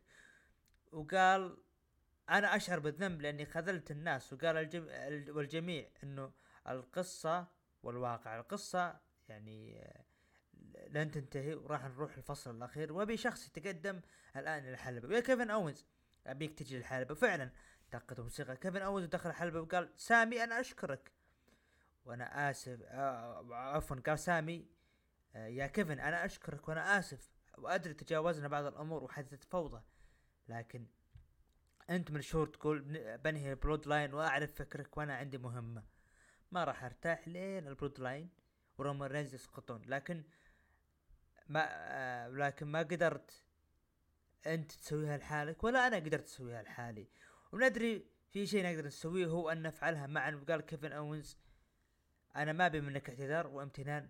واللي سويته أنا علشان عائلتي لأني انضربت من Bloodline بال Rumble أمام عائلتي واللي كانوا جالسون يتابعوني من الشاشة. وكنت متواجد بالحلبة وأنت كنت تشوف ولا سويت شيء إلا بعد ما ضربوه أو خلينا نكون صادقين ترى ما سوى ما سوى شيء إلا بعد ما انجلد. وقال واللي صار السبت سويته عشان أهلك لأنهم كانوا موجودين ويشوفونك تنجلد وأنا لحالي أقاتل ال Bloodline وطبيعي الشيء هذا وبكمل حالي وأنا علمتك. من ال Survivor Series. اللي بيننا انتهى. ولكن إذا تبي مساعدة للإطاحة بال Bloodline تواصل مع خويك جاي أوسو وخرج كيفن أوينز. رأيك باللي صار يا أخي طريقة سير البرومو يا أخي حسسني إنه النهاية اللي فعلا كنا نقولها تو في لما حللنا العرض إنه لو كيفن أوينز كان ظهوره مبكر أو كان لما دخل جاي أوسو ودخل جيمي أوسو دخل كيفن أوينز وساعد سامي زين قدر ما يقدر. وبالنهاية خسر كان ممكن نقول إنه كيفن أوينز آه، خيب الظن في سامي زين في وسط في العرض يعني في مدينتهم. ترى على فكرة عرض ال Raw أيضا أقيم في كندا. فكان بتكون آه، تشجيع حلو للقصة. لكن سير البرومو كان آه، إنه سامي ما قدر على Bloodline. فإنه يحتاج فزعة كي- كيفن. قال كيفن okay ما عندي مشكلة لكن كلم خويك جاي. فا okay promo لا بأس. حلو درامي كان من سامي زين لكن كان ينفع أكثر بالنسبة لي لو النهاية اللي قلناها تو هي اللي صارت أكثر من النهاية اللي شفناها في العرض. شوف أنا بالنسبة لي و... يعني كنت أشوف إنه مفترض إنه إنه سامي زين وكيفن اوينز من زمان على ألقاب الفرق وهذا اللي صار وأنا قلتها من ال Rumble إنه الخطة الأصلية كانت سامي زين وكيفن اوينز على ألقاب الفرق. وأنا أتوقع الأسابيع الجاية اللي راح يبين معنا إنه سامي زين راح يحاول بكل طريقة إنه يرجع كيفن اوينز وإنه ينجلد من من ال Bloodline سامي زين وبعدين تجي لحظة تاريخية ويتحالفون مع بعض ويرجعون أصحاب ويأخذون الالقاب في ال Mania. هذا أنا بالنسبة لي السيناريو المتوقع بس يا شوف اللي بيصير. حرام يا أخي ال over اللي جالس يعيشه سامي زين تحطه في فئة الفرق. والله يا حرام يعني لو تتكلم عن خطة لو غيروا لا، الخطة بس. هي الخطة الأصلية كذا. لا هي لحظات. يا كا يا ما كان في نجوم أصلا كانوا قريبين من الفوز بلقب عالم وكانت تعتبر لحظة تاريخية. وما صارت. يعني نستثني اللي صار الشيء الوحيد اللي صار اللي لما دولف زيجلر صرف الحقيبة على ديل ريو. هذه كانت الجمهور طالب فيها. هذه وكذلك كوفي. فيعني هذه يعني من النوادر اللي تصير. كنا نتمنى سامي دانيال براين كنا نتمنى سامي تصير لكن ما صارت. سامي زين والله نجم نجم واحد بس لو يخون ال WWE خيانة هو اللي راح يساعد انه ال WWE تفكر في سامي أو في الجمهور. لكن مين- ممكن مين؟ قصتهم والسيناريو اللي قاعد تقول أنت يا عبد الرحمن ممكن يذكرنا بعودة ال Shield 2018 مين طيب ودين هذا؟ امبروز كان والله سيث صدق لكن سيث يحترم ال WWE. طيب آه زي ما سوى MJF. سامي زين أثناء خروجه هاجم بارين ال كوربن على قولة أبو عوف بارن ال كوربن ضد سامي زين. وانتهت مباراة انتصار لسامي زين؟ مقابلة خلف الكواليس والله آه، ريبلي ودومينيك يعني. وقال بايرن ساكستون وش اللي صار بال Chamber؟ وف... وفشل Judgment Day. وقالت ريا ريبلي ترى أنا هيمنت على بيث ولكن الآن نركز على ال Mania. وقال بايرن ساكستون شارلوت قالت إنها فازت عليك قبل ثلاث سنوات. وقالت ريا ريبلي أنا الأفضل والخطأ ما يتكرر مرتين. وقال بايرن وش بتسوين يوم الجمعة إذا قابلت شارلوت في SmackDown؟ قالت راح تشوف. بعينك. وقال دومينيك إي صح أنا أبوي آه، عنده مباراة يوم الجمعة. ليش ما نحضر يا ريا ريبلي؟ ونتمنى التوفيق له. وقالت ريا ريبلي okay فكرة حلوة. وقالت يا بايرن ساكستون ترى المقابلة انتهت. حابة تعلق ولا أروح اللي بعده؟ والله أنا مترقب صراحة الشيء اللي بيصير في SmackDown بين ريا ريبلي وتشارلوت. وسعيد آه، عجبتني ريا ريبلي لما قالت انه الشيء اللي قبل سنوات قبل ثلاث سنوات مو مثل الآن. ففعلا ريا ريبلي قبل ثلاث سنوات شيء وال... والآن شيء ثاني يعني. بالنسبة لي إذا سويتها البنت واتصلت على تشارلوت فهي تزعمت بالنسبة لي فئة النساء في ال WWE. ودومينيك صراحة عزز لها في البرومو اللي صار مع بارن ساكستون. أنا بالنسبة لي هذا أفضل شيء سواه دومينيك ميستيري من انضم لل Judgment Day. عجبني دوره في نروح برومو اللي, اللي أعجب أبو عوف. خلف الكواليس المذيعة آه، كيلي مع بطل ولايات ثيري وقالت وش شعورك بمباراتك الليلة ضد إيج على لقب ولايات؟ بعد ما دافعت عن لقبك في ال Chamber. قال والله أنا مصاب لكن أنا هنا ومتواجد الآن وأنا كل وأنا كل شيء قلته صار جلدت المصارعين وث... وثبتت المصارعين وخصوصا سيث رولينز. وقال صح جون سينا بيرجع الأسبوع الجاي. وين الاحترام لي؟ يعني أنا مفترض مفترض أنا اكون في العناوين مو جون سينا. وأنا عندي تحدي يا رجال جون سينا شيء وأنت شيء وأنا. وأنا عندي تحدي مفتوح ضد إيج وراح أهزم إيج في ديرته في كندا القادرة وإرثي راح يستمر حتى في طريقي إلى WrestleMania ما حد راح يوقف بوجهي وما راح أخسر لقبي. يلا انبسط سينا بيرجع وبياخذ اللقب. وش رأيك؟ هو بي... سينا بيرجع الأسبوع الجاي ولا اللي بعده؟ هو أعلن إنه 6 الجاي. مارس. الأسبوع الجاي آه، 27 فممكن خطأ سقط من أوستن ثيري. يب نتشقق لأنه سينا ي- يعتبر دائما وأبدا هو منقذ عروض ال WWE أحسن من بارين كوربن تحية عظيمة لشيخ كانساس سيتي بارن الكوربن زيجلر ضد مصطفى على علي؟ طاري كانسس على البركة ج- فزت السوبر بول ما شفنا خويك يبارك. هلا لا ولا موجود. ما له في الكورة. هلا موجود حاضر مباراة مبسوط. حضرها طلع دوف صدره بدل ينجلد في عروض دوف زيجلر ضد مصطفى علي وانت مباراة بانتصار بانتصار بتثبيت صريح من مصطفى علي. أه، حاب يا أخي مصطفى علي؟ ما عجبني character وذا اللي طالع فيه يا أخي. كأنه آه، character منصور قبل واحد يعني في عام 2021 انسخوه وحطوه في مصطفى علي. حرام عليكم يا أخي. منصور كان يعتبر okay مصطفى علي نجم كبير. وله خبرة في العروض الرئيسية. okay أنا أستفيد منه وأكون جانبه. لكن مصطفى علي يكون حول دولف زيجلر وبيستفيد منه وبيكون جانبه عشان يكسب خبرة في عروض ال Raw هذه ما عجبتني صراحة. فمصطفى علي أعتقد إنه مسكين طاح في دوامة ما راح يطلع منها ابدا. إنه ما راح يلقى الشخصية اللي تناسبه واللي ال WWE يقتنعون فيها ويعطونه فرصة أكبر. ما عجبني والله اسلوبه اللي طلع فيه مع دولف زيجلر. جميل جدا. آه، شفنا كودي رودز دخل إلى الحلبة وسط تفاعل الجمهور الرائع. ولكن قاطعوا بول هيمن من الشاشة وقال كودي آه قال كودي لحظة لحظة أنت وينك يا هيمن؟ ورد هيمن أنا خلف الكواليس قال كودي طيب تعال هنا ونجي نتكلم قدام الجميع. وقال هيمن أنا مصاب. وإصابتي قوية والرعاية الكندية هنا سيئة. ولكن راح أؤكد لك شيء. المأساة في القصة التي تبي تنهيها ستحل عليك. واسمعني من رجل لرجل أنت لا تستطيع هزيمة رومان رينز. ولكن خلينا نفترض أنه أنت فزت على رومان رينز في آه اللي هو في الرأس الماني وأخذت اللقبين. كيف بتكون حياتك بعدها؟ على فكرة على هذا التخيل أنت راح تدافع على الالقاب لمدة 280 يوم وحضور جمعيات خيرية وعروض شهرية وكل عرض لازم تكون فيه. وصح وصلنا 300 يوم. ويبقى لك 60 يوم. ونصها بتروح مكالمات سكايب مع البرامج وش يبقى لك مع أهلك. هذه الحياة اللي تبيها يا كودي وبأكد لك شيء يا كودي. في راسلمانيا حلمك راح يكون كابوسك الشخصي. وقال كودي okay رومان شخص رائع. وأنا شفت المسرحية هذه من قبل. بنتواجه قريبا وراح أقول لك شيء يا رومان الآن وحتى لو شفتك مرة ثانية أنت أعظم بطل عالمي للالقاب العالمية في تاريخ هذه الشركة. وأنا علي أن أنهي قصتك وراح أهزمك في راسلمانيا. وطلع. تضخيم من كودي لرومان رينز ورد ردة فعل بول هيمن. رأيك باللي أنا عجبني آه، بول هيمن.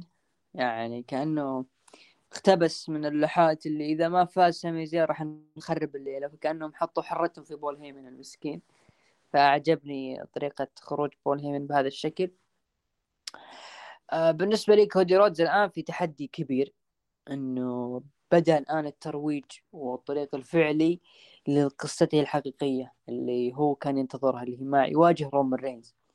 تعرف رومان رينز صعب جدا إنك تدخل معه في برومو إذا كان face to face فعشان كذا أنت شايف إنه الأيام اللي راحت كل البروموهات اللي مع كودي رودز كلها من ال Bloodline من بول هيمن ومن سامي زين لأنهم راح يساعدون كثير إنه كودي يبدأ يبرز ويطلع بشكل ممتاز لما يواجه رومان رينز face to face فهذا اللي أنا حسيته خلال الأسابيع الماضية خلال البروموهات الماضية. الشيء الجميل أيضا من بول هيمن إنه جاب طاري دستن رودز اللي كلنا عارفين إنه جولدست وأذكر أنا في أحد السبيسات مع الشباب قلت إنه هذه القصة هذه إذا كان داستي رودز يبغى يعني إنه أنا حامل راية الرودز يفضل إنه جولدست يكون موجود لكن كدستن إنه الحدث اللي راح يكون في الرسلمانيا حدث مو هو سهل حدث كبير بالنسبة له. أخوه يواجه رومان رينز وراح يفوز. فحلوه لو كان دستر رودز موجود في الرسلمانيا بجانب براندي اعتقد بتكون خرجتني الله يهديك. أعتقد انه أعتقد إنه بيكون له دور كبير يعني أحس إنه بيظهر. إيه لا لا راح يكون له دور. يعني شفت الأدوار اللي قلناها تايسون فيري و جيك بول وكيفن اوز أعتقد راح يكون له نفس ال... نفس الطريقة. ممكن نشوف آرن أندرسون بعد لا تستغرب يعني. لولا إذا كان عقده موجود مع اي دبليو كذلك هو الزق ولده معهم. لكن لو كان عقده مو موجود آه كذلك دي دي بي دايموند دالاس بيج. لأنه كانوا الاثنين هذول كانوا مع كودي رودز لما واجه نيك ألدس على لقب NWA. فبتكون لحظة حلوة يعني لما يدخل كودي رودز يكونون الشيبان هذولي وداستن معه. فبتكون لحظة حلوة صراحة. أنا والله بديت أتحمس رغم إنه ماني مقتنع في كودي ورومان لكن لما أعطيتك هذه الإضافات أنا تحمست لها الصراحة. فنشوف الأسابيع القادمة كيف راح يتطور العداوة. جميل جدا. آسكا ضد نيكي كروس. وقبل بداية المباراة دخلت بيانكا بالير تتابع خصمتها في راسلمانيا. آسكا انتهت المباراه بانتصار لاسكا بعد المباراه face to face وجها لوجه. آسكا وبيانكا بالير وآسكا تلاعبت بيانكا بالير وسببت لها خوف بعد ما طلع من آه اللي هو من فم آه آسكا شيء أزرق. خلف الكواليس MVP واومس ووجه MVP تحدي رسمي لبروك ليزنر ضد اومس في راسلمانيا رأيك باللي صار؟ أنا رأيي بس في اللي قبل آسكا ونيكي كروس كانت مباراة حلوة صراحة. أه لحد الآن هي أفضل مباراة women's صارت في ال WWE في السنة لحد الآن. إن اسكا ونيكي كروس قدموا أداء جدا جميل. اللي خفت منه أه في آسكا هو اللي صار إنه طلع من فمه الشيء الازرق فهذا اللي خلاني أفرمل شوي إنه آسكا هل ممكن تكسر النحس حقها ولا لا؟ راح يستمر. أما اومس و بروك ليزنر أنا ما أدري. يا بروك ليزنر يا مزاجيتك هذه وأنت و WWE محافظة عليك إنك ما تدخل في عداوات إلا مع نجوم heavyweight وكلهم آه، مصارعين أو تدخل في مصنف أول على اللقب بدون بناء. تجي تطلع مع مباراة مع اومس آه، ما أدري بصراحة ماني مقتنع فيها. وإذا صارت في رسلمانيا فعلا بتكون سقطة تاريخية لبروك ليزنر. يعني لو جبنا مسيرته من 2012 إلى حتى الآن. أنا بالنسبة لي سقطه إذا دخل مع أومس. لكن ما أدري نشوف الأسابيع الجاية. أنا ودي بروك يرفض صراحة وتصير مباراة في عرض ال Raw وننهي ذا القصة. ممكن نشوف دخول بوبي لاشلي كذلك ظهور للحبايب ألكسندر شيلتون بنجمين لأني ما شفت لهم شيء. نرجع ال Hurt Business وممكن تعاد المباراة ليش لا؟ يعني ما أعتقد لكن شوف الأسبوع الجاي. طيب أنا بالنسبة لي هذه هذا نتفق معك السقط اللي قاعد يصير. إنه في شيء ما انتهى ما بين بروك بوبي لاشلي أو انتهى بالطريقة الخاطئة. يروح بعدها مباشرة إلى أوموس. ابدا مو منطقي اللي قاعد يصير جدا حزني اللي صار. يعني لهالدرجة اللي قاعد يصير. يعني كذا بهالطريقة أوموس أوموس ضايقت الأسماء. بنجي للشخص الآخر بعد اللي ما ما صار بعيد عنه. الأسبوع طبعا الأسبوع المقبل آه سيرد بروك ليسنر على تحدي أوموس. ذا ميز ضد سيث رولنز وانتهت المباراة بانتصار لسيث رولنز بعد ما تسبب بفقدان الوعي ذا ميز وهاجمه أكثر من مرة. رأيك بشخصية سيث العصبية اللي كانت مع نهاية المباراة؟ أه تعبر عن آه، وجهة نظر سيث رولنز بمواجهته مع لوجن بول. وواجه الغضب صراحة وجابها في العروض الرئيسية وتحسب له. تحسب لسيث ممكن تكون شخصيته تبدأ بتكون جدية أكثر بدال الرقص والبهرجة والضحك الزايد ف شيء كويس من سيث رولنز والله يعين لوجن إذا واجه سيث رولنز أنت عارف ذا ميز عنده الأسبوع الجاي فقرة مع Miz TV. مشغلنا بيكون مع ماريس واضحه انه حمل ثالث لماريس. وأنا من هنا أوجه رسالة للأخوان. حافظوا على مستقبلكم. ترى ميز ضمن مستقبله مع ماريس وأنتم تضيعونه مع ماريس. مبسوط أنت. إيه مبسوط. وان والشباب المستمع ضيع عمره مع ماريس ف اهتموا في مستقبلكم يا أخوان. آه بعدها شفنا اللي هو برنامج Ding Dong Hello يعود من جديد مع بايلي وضيوفها صحباتها وبطلات فرق النساء داكوتا كاي وأيو سكاي وبايلي بدأت بأول سؤال كيف شعوركم وأنتم بطلات الفرق؟ وقالت آه داكوتا كاي إنه حنا هيمنا وسيطرنا على قسم النساء بالكامل وراح نكمل هيمنتنا لكن دقت موسيقى بيكي لينش. وقالت بيكي okay أنتم بطلات فرق لكن أنا باخذ هذه الألقاب منكم في راسلمانيا وقالت بايلي انتي ومين معك؟ بنتك مثلا؟ وضحكت وقالت بيكي وقالت بيكي في سيدة واحدة أفكر فيها ودقت موسيقى ليتا ليتا العائدة الأسبوع الثاني على التوالي. ودخلوا الحلبة وطقطقوا عليهم وقالت ليتا أنا تعجبني فكرة إني أكون مع زميلة على ألقاب فرق لدى داكوتا كاي وأيو سكاي. هذا تحدي رسمي لكم على الألقاب رفضت بايلي وبعدها بدأت بايلي تطقطق عليهم وقالت مو أنتم أعظم فريق. وش اللي ينقصكم رفض هذا التحدي؟ وبدأت تستفزهم لكن بايلي وافقت على التحدي والمباراة راح تكون الأسبوع المقبل. حاب أضيف شيء؟ طبعا قبل ما تضيف شيء أنا أقولك باقي شينا بيزلر عندك اللي هي راندا راوزي وتكون مباراة ثلاثية ما بين Damage Control ضد ليتا وبيكي ضد آه شينا وراندا راوزي على ألقاب الفرق. هذه من المباريات اللي راح تصير في راسلمانيا. والله عن نفسي ما أتمنى الصراحة. لأنه أحس بيكي لينش و Damage Control كل شيء معهم طولت السالفة. لكن لو تفكر فيها بكي بايلي وليتا مباراة فردية بتكون شيء مرة ممتاز شيء مترقب أكثر. خصوصا البروموهات اللي بتكون بين الثنتين بتكون دمار. يعني بيكي لينش ما قدرت تجاري بايلي خصوصا في المواضيع الشخصية. فلكن ليتا قادرة تطلع منها إذا دخلت في أمور أمور ليتا اللي عارفينها. فبتكون عداوة جدا نارية. وأتمنى صراحة بايلي وليتا أفضل بكثير من إنه آه، ليتا وبيكي لينش وروندا راوزي وشينا بيزلر ضد Damage Control لا أنا أشوف إنه بايلي وليتا أفضل. وال Damage Control okay يدافعون عن ألقابهم ضد روندا راوزي وشينا بيزلر. ما عادي ما عندي أي مشكلة. جميل جدا. فرصة. آه شفنا اللي هو برونسون بريد أو برونسون ريد عفوا ضد تشاد جيبل أثناء مباراة ماكسوم ماكسيم دوبلي عطت ورقة لأوتس وتشاد جيبل. تشتت من هالشيء هذا. وين تبارت متصلي برونسون ريد؟ الايس في الحلبة. وقال ريك بوز ريك بوكس سجل هذه الملاحظات. دامك خلف الكواليس. وهذا الوقت من هذه السنة يظهر فيه الأساطير. وهذا الوقت مهم للجميع. وهذا سؤال مهم للجميع. من يريد السير مع ألايس في راس المانيا لكن دقت موسيقى بوبي لاشلي. دخل وهاجم إلياس وجلده واخذ المايك. وقال الأسبوع الماضي أخضعت بروك ليزنر ولكن ضربني بضربة تحت الحزام.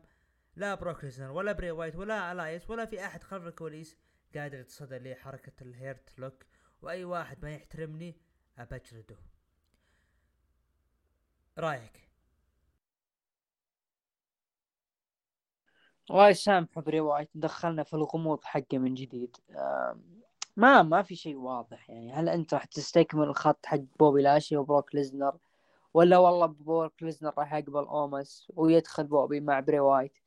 ما في شيء واضح. لكن غالبا إنه دام إنه بروك ليسنر راح يظهر الأسبوع القادم وراح يكون مع أومس وغالبا راح يجلد أومس وبنشوف تدخل Hurt Business ممكن ممكن يكون في ظهور لبري وايت كذا خفيف. ممكن هذا اللي بيصير. أنا بالنسبة لي واللي ما حبيت واللي زعلني آه شلون تقول أي واحد آه ما يحترمني بجلده يعني ليش تهاجم ألايس بالذات؟ يعني لعن ما ما احترم الرجل. لا يا أخي شوف اللي قاعد يصير غلط. انه انت كنت بعداوة بعد تدخل عداوه ثانية وتدخل ضد ألايس وش الاحترام؟ ما له دخل ترى. اللي سووه ألايس ما له دخل ترى. عطني موضوع من لازم. ما ما آه الآن تشتيت. الآن أنا ما حبيت المسار بروك ومسار بوبي لاشلي. آه يزعلني. حتى بري وايت أتوقع بري وايت راح يزعلنا السنة هذه في المانيا. ما أدري ليش. الأسبوع المقبل على ألقاب الفرق النسائيه أيوه هذا هو يعني دامج تقول لي بروك ما يسوي شيء هذا هو مزاجيته. Damage CTRL ضد بيكي وليتا اعلان الأسبوع المقبل على ألقاب الفرق والأسبوع المقبل بايبر نيفن ضد كانديس لوري والأسبوع المقبل برنامج Miz TV عن ال Mania. كترويج. خلف الكواليس إيدج تكلم مع بايرون ساكستون إنه جاهز للتحدي وما في شيء يقدر يوقفه بخصوص أوستن ثيوري. هو شخص مغرور ولا في شيء أصلا راح يكمل الابد وراح احطمه هذه الليلة. يقصد من ناحية الألقاب والاستمرار بالفوز. مباراة على لقب الولايات المتحدة. ايدج ضد البطل أوستن ثيوري. أثناء مباراة فين بالر هاجم ايدج لكن ايدج يتصدى وصار وتشتت ايدج من الشيء هذا وليستفيد منها أوستن ثيوري ويثبت ايدج ويحافظ على لقبه. وبعد مباراة فين بالر يهاجم ايدج ويجلده وكانت مشاهدات هذا العرض مليونين. وأعتقد بالنسبة لي هذا بس. وهذا إيه مليونين. وهذا اللي زعلني إنه في استكمال هذه العداوة. رأيك باللي صار وتقييمك؟ لا لازم. بالمباراة ولا النهاية؟ المباراة والنهاية وعودة بلر واستمرار القصة. شوف كمباراة أنا اللي لفت نظري آه، سيطرة أوستن ثيوري على المباراة كان بالطول وبالعرض مرة مسيطر. آه، كذلك آه، إدج يشكر على ال selling اللي أعطاه أوستن ثيوري وهذا أيضا استكمال لبناء أوستن ثيوري وتضخيمه. مو كتضخيم كمنفوخ لكن النجم واضح إنه كل ماله يكون جاهز كل ماله ينضج. في الأيام الماضية كان ينضج من ناحية المايك. ودخوله في المؤتمرات ودخوله في العروض الأسبوعية واستهجانه للجمهور ونرفزتهم هذه تحسب للنجم. الآن دخل في الأداء الحلبة ال Elimination Chamber مع أفضل مؤدين في العرض قدر يجاريهم رغم أنه كان دوره محدود. آه الآن دخل مع Rated R Superstar إيدج وإيدج أعطاه ال selling ممتاز طلعه بشكل قوي جدا. وخلاص يعني زي ما انت زي ما إحنا عارفين أوستن بالنسبة لي الآن هو جاهز للخوض مع سينا. أداء ومايك وشخصية. فإيش تبغى أكثر من كذا؟ ومع لقب الولايات. واضح أوستن راح بلقب الولايات حق سينا. ال Doctor of Thuganomics الدائري. كاستفزاز لسينا. وأنا أشوف انها بتكون إضافة حلوة للعداوة اللي بتصير. لكن ايدج وفين بالر أنت مضطر لأنه ما في نهاية. لابد تكون في نهاية تليق للنجمين خصوصا ايدج أج... آه راح ينتهي عقده هذه السنة اللي وقعه في 2020 ويسرع الدنيا. آه لابد تكون له نهاية حلوة. الأغلب التسريبات والكلام إنه راح تكون المباراة اللي بتصير في ال Mania بالر راح يرجع Demon King وإيدج راح يرجع أو كي... راح يظهر بال Brood. فبتكون مباراة حلوة لكن ما أدري هل راح W راح ترجع ال Demon King بعد الشيء اللي صار في مع رومان رينز كثير كانت أو W هم يعتبرون هذه كانت نهاية ال Demon King فيرجع في مباراة عادية. في ال WrestleMania إذا كان وخصوصا إنه هل هو راح يفوز ولا ايدج فبتكون ثاني عد... ثاني هزيمة لل Demon على التوالي. فما أدري صراحة. إذا كان ال Demon بالر يعني بيطلع بالشخصية ويفاز وراح يعطي إضافة لبالر أنا أقول بالر اللي يفوز. لكن إذا كان ايدج بيفوز بالنهاية ما أعتقد إنها تسوى ترجع ال Demon وتخسره مرة ثانية. والله أعلم الطريقة كيف بتكون وأكيد راح يكون في تدخلات دائما ال Judgment Day ومن بيث فينيكس وإلى آخره. لكن نشوف إلى وين راح تصير فيه العداوة. لكن أنا أتمنى أنها تنتهي لإيدج بصراحة بتكون ختامية جدا حلوة له. يعني السؤال كان موجه للمباراة وعودة بالر أبو عوف الله يهديه فتح موضوع سينا. آه، أتفق معك أنا بخصوص موضوع كلمتك لما تقول إنه اوستن ثيوري نضج آه، وتغير. طبيعي كل هذا تجهيز لأنه يكون jobber ضد جون سينا. تقييمك؟ لا مو jobber لكن لو تذكر قبل سنة نفس لما ظهر جون سينا ومع ثيوري. هذيك الفترة ترى ثيوري ما كان جاهز. حتى لو تذكر كان يخسر كثير من بوبي لاشلي آه، فينس ابرزه كثير والنجم كان لسه fresh للعروض الرئيسية ما كان جاهز. لكن الآن النجم ثبت أقدامه. يعني حتى لو آه، أنا بالنسبة لي راح يستمر مع اللقب ما أعتقد إنه راح يفوز سينا. ما أعتقد إنه سينا راح يفوز. أنا متألم لأنه أوستن يحتاج يكون في ياخذ فترة طويلة مع اللقب وأعتقد إنه هذه راح تكون سياسة تربل اتش مع الألقاب إنه النجم راح ياخذ فترة. لا تقل عن 100 يوم أو 50 يوم يبرز فيها النجم. آه، يبنون فيه نجوم منافسين للنجم حتى لا يتم دفنهم ونسيانهم وطي ملفاتهم وأنا أشوف إنها خطوة مميزة راح تعطي أهمية للألقاب. أعتقد أنت سألتني عن التقييم أنا أشوف العرض آه، كان طويل بصراحة آه، وفي تمطيط واجد فأنا ممكن أعطيه خمسة أو أربعة ونص. أنا بالنسبة لي أعطيه خمسة ونص من عشرة متابعين قيموا العرض من تسعة لعشرة ب 13% ومن خمسة لثمانية قيموا ستة وستين بالمية وأقل من خمسة قيموا بعشرين بالمية. شكرا لك أبو عوف راح أكمل اللي هو عرض. Dynamite و NXT لوحدي. ندخل الآن إلى عرض NXT. طبعا NXT و AEW للأسف الشديد بالنسبة لي أنا الأسابيع الماضية ما كنت متابع يعني مباشر. يعني كانت أبرز الأشياء اللي صارت. فنقول إن شاء الله هذه هي بداية العودة لهذا الأسبوع. افتتاح العرض تريك ويليامز ضد إيلايا دراجونوف أثناء مباراة دخل جي دي ماكدونا. ليراقب دراجونوف وأنتهت المباراة بانتصار لايلايا دراجونوف بعد مباراة تبادل نظرات مع جي دي ماكدونا طبعا المباراة هذه كانت جيدة بالنسبة للايا دراجونوف وممتازة بالنسبة لتريك ويليامز. ليش ممتازة لتريك ويليامز؟ تريك ويليامز من النجوم اللي مو سوبر ستار ولا مصارع يعطيك خمس نجوم مباراة لا مصارع يعني متواضع قدم مباراة بالنسبة له تعتبر ممتازة. وبالنسبة لدراجونوف جيدة. يعني لما نشيد على تريك ويليامز برضو لازم نشيد على على رايا دراجونوف إنه يعني له دور كبير باللي قاعد يصير في هذه المباراة. يعني تتكلم بالمسك مباراة طول وعرض فيحسب له. وكذلك اللي هو استمرار العداوة ما بين آه اللي هو جي دي ماكدونا. ف يعني بنشوف الأسابيع الجاية كيف بيكون الوضع من هالكلام. بعدها شفنا برومو الجندر مهال. آه حرفيا راح نجي ال main event promo جندر مهال وال main event ترى أفضل شيء صار هو البرومو غير برومو ما في شيء ثاني. تايلر بيت في الحلبة. رحب بالجميع تايلر وقال أشكر الجميع على مساندتي. بعد ما صرت full timer هنا في أمريكا.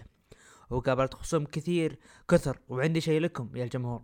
لكن ظهر Schism وقال جو جيزي أو عفوا قال جو آه جيسي انتبه باللي حاصلك هنا والناس هنا ما يبون يساعدونك ولكن Schism عائلة حقيقية ونعرض عليك الانضمام لنا ولكن تايلر بيت رفض وقال جو جيسي شكلك ما شفت صار ل Chase U وخير مثال ثيا والدور عليك. وقالت إيفا انت ترى لحالك وما حد بيساعدك ولكن حنا أكثر ولكن دقت موسيقى مين؟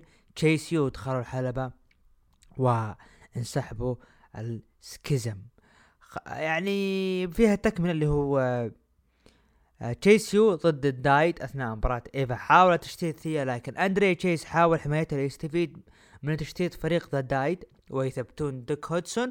وينتصرون بعد المباراة صار خلاف ما بين هودسون مع أندري تشيس وثيا. أنا عندي هنا ممكن تحليل بسيط. أعتقد ممكن ديوك هودسون راح نشوفه مستقبلا في العروض الرئيسية.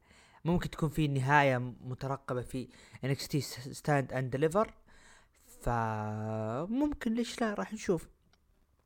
بعدها خلف الكواليس صار تحدي بين فون واغنر وتوني دي انجلو كذلك خلف الكواليس ديمسي وجولك وقال جولك إن هانك والكر قلبنا عليه قلبنا عليه لأنه هو ما هو صاحب لنا ابدا. ف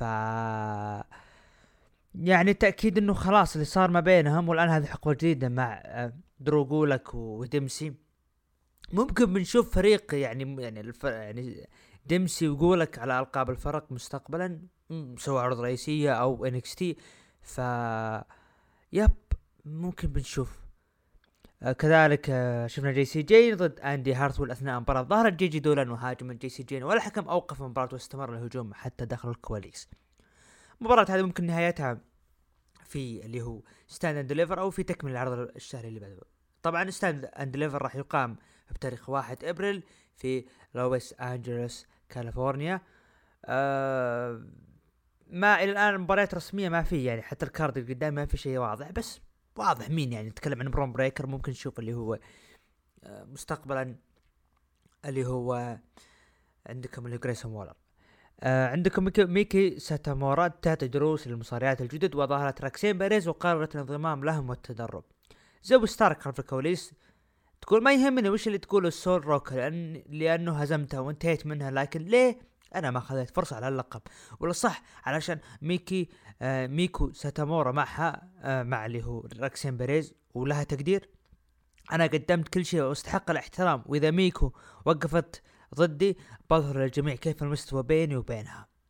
فأعلن الأسبوع المقبل مباراة ما بين ميكي ساتامورا وكذلك زوي ستارك. ال Gallus ضد مالك بليد وأدريس انوفي وانتهت المباراة بانتصار لل Gallus بعد المباراة شفنا كيكا آه كيكا من Pretty Deadly لأن ال Gallus أبطال الفرق لكن ال- ال Gallus ما عجبهم الموضوع. جردوا على الأشخاص اللي جابوا الكيكه عن طريق Pretty Deadly لكن ظهروا Pretty Deadly وهاجموا ال Gallus ال- ال- الأحداث اللي صارت الأسابيع الماضية أفضل شيء شفته لما ال Gallus حققوا ألقاب الفرق. فأنا أعتقد حقبة NXT للفرق بتكون رائعه بوجود Pretty Deadly وكذلك ال Gallus ف بنشوف أشياء جميلة. ونتمنى مستقبلا يكون في تصعيد ل من المركز التدريبي إلى آه، عرض NXT اللي هو فرق جدد ونشوف أسماء جديدة. بنشوف يعني. توني دي انجلو بجانبه لورينزو ضد فون واغنر وبجانبه مدير أعماله مستر ستون. وعنده مباراة منتصر توني دي انجلو يعني كل الهياط يا فون واغنر وآخر شيء كذا. عموما بعد مباراة توني دي انجلو هدد ديجاك وقال لازم ننهي كل شيء الآن وتكون قتال شوارع. وبجلدك وعلى فكرة يا ديجاك عندك سبع أيام تفكر فيها ولا تخليني أدور عنك. ف ممكن بنشوف مباراة يعني ممتازة. يعني نتكلم عن ديجاك آه، من النجوم اللي يقدر يقدم آه، مباريات رائعة. أو المعروف سابقا بدومينيك ديجاكوفيتش فيعني لما تتك- تتكلم النجم هذا قدم مباراة عظيمة مع اللي هو آه كيث لي أيام NXT على لقب شمال أمريكا فكيف الآن بيكون؟ خصوصا إنه بعد ما تطور صار أفضل وأفضل. خلف الكواليس كارميلو فخور بأداء تريك ويليامز وقال يا تريك شوف ال main event هنا وبنركز على خصمي القادم. لكن تدخل تايلر بيت.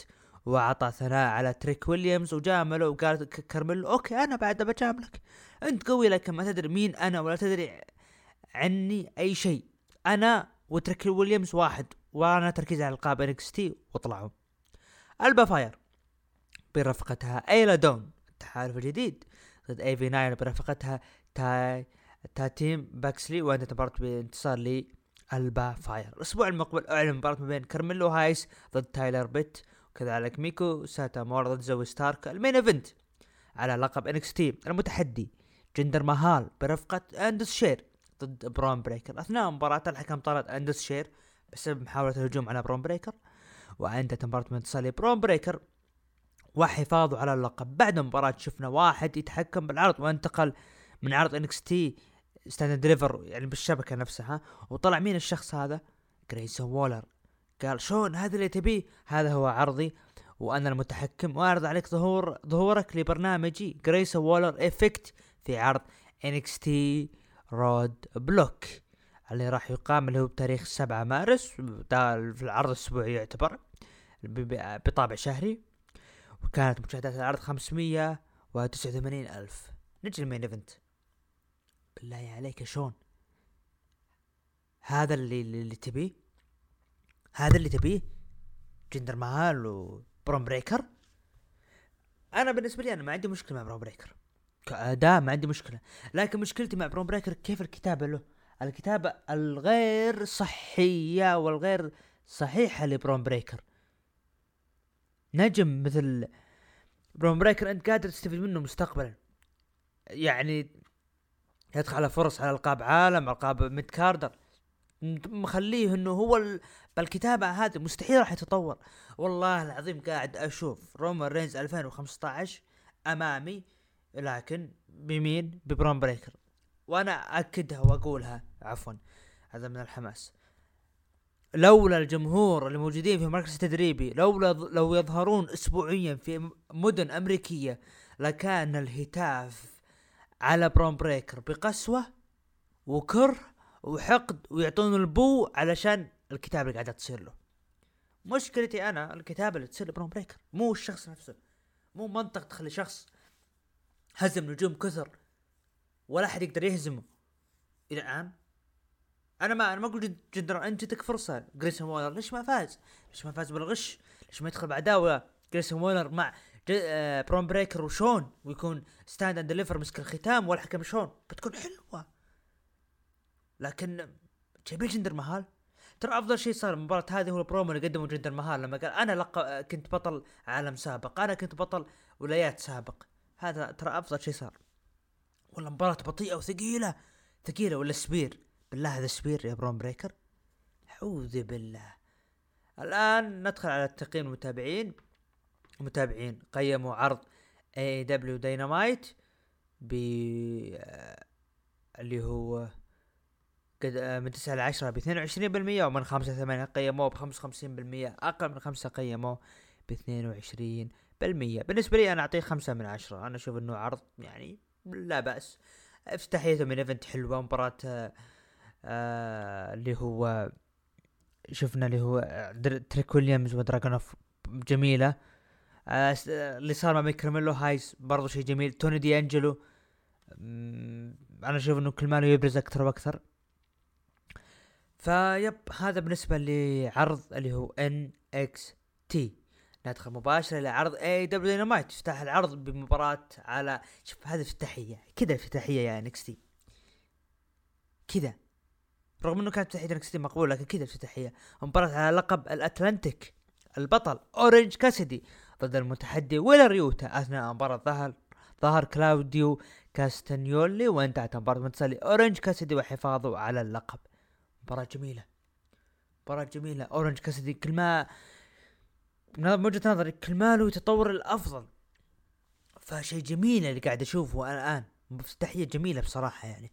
خلف الكواليس. ايفل اونو جاهز لمباراته ضد موكسلي ويطمن آدم بيج إنه جون موكسلي إنه بيعرف مين هو ايفل اونو أو خلينا أعطيها بالمختصر.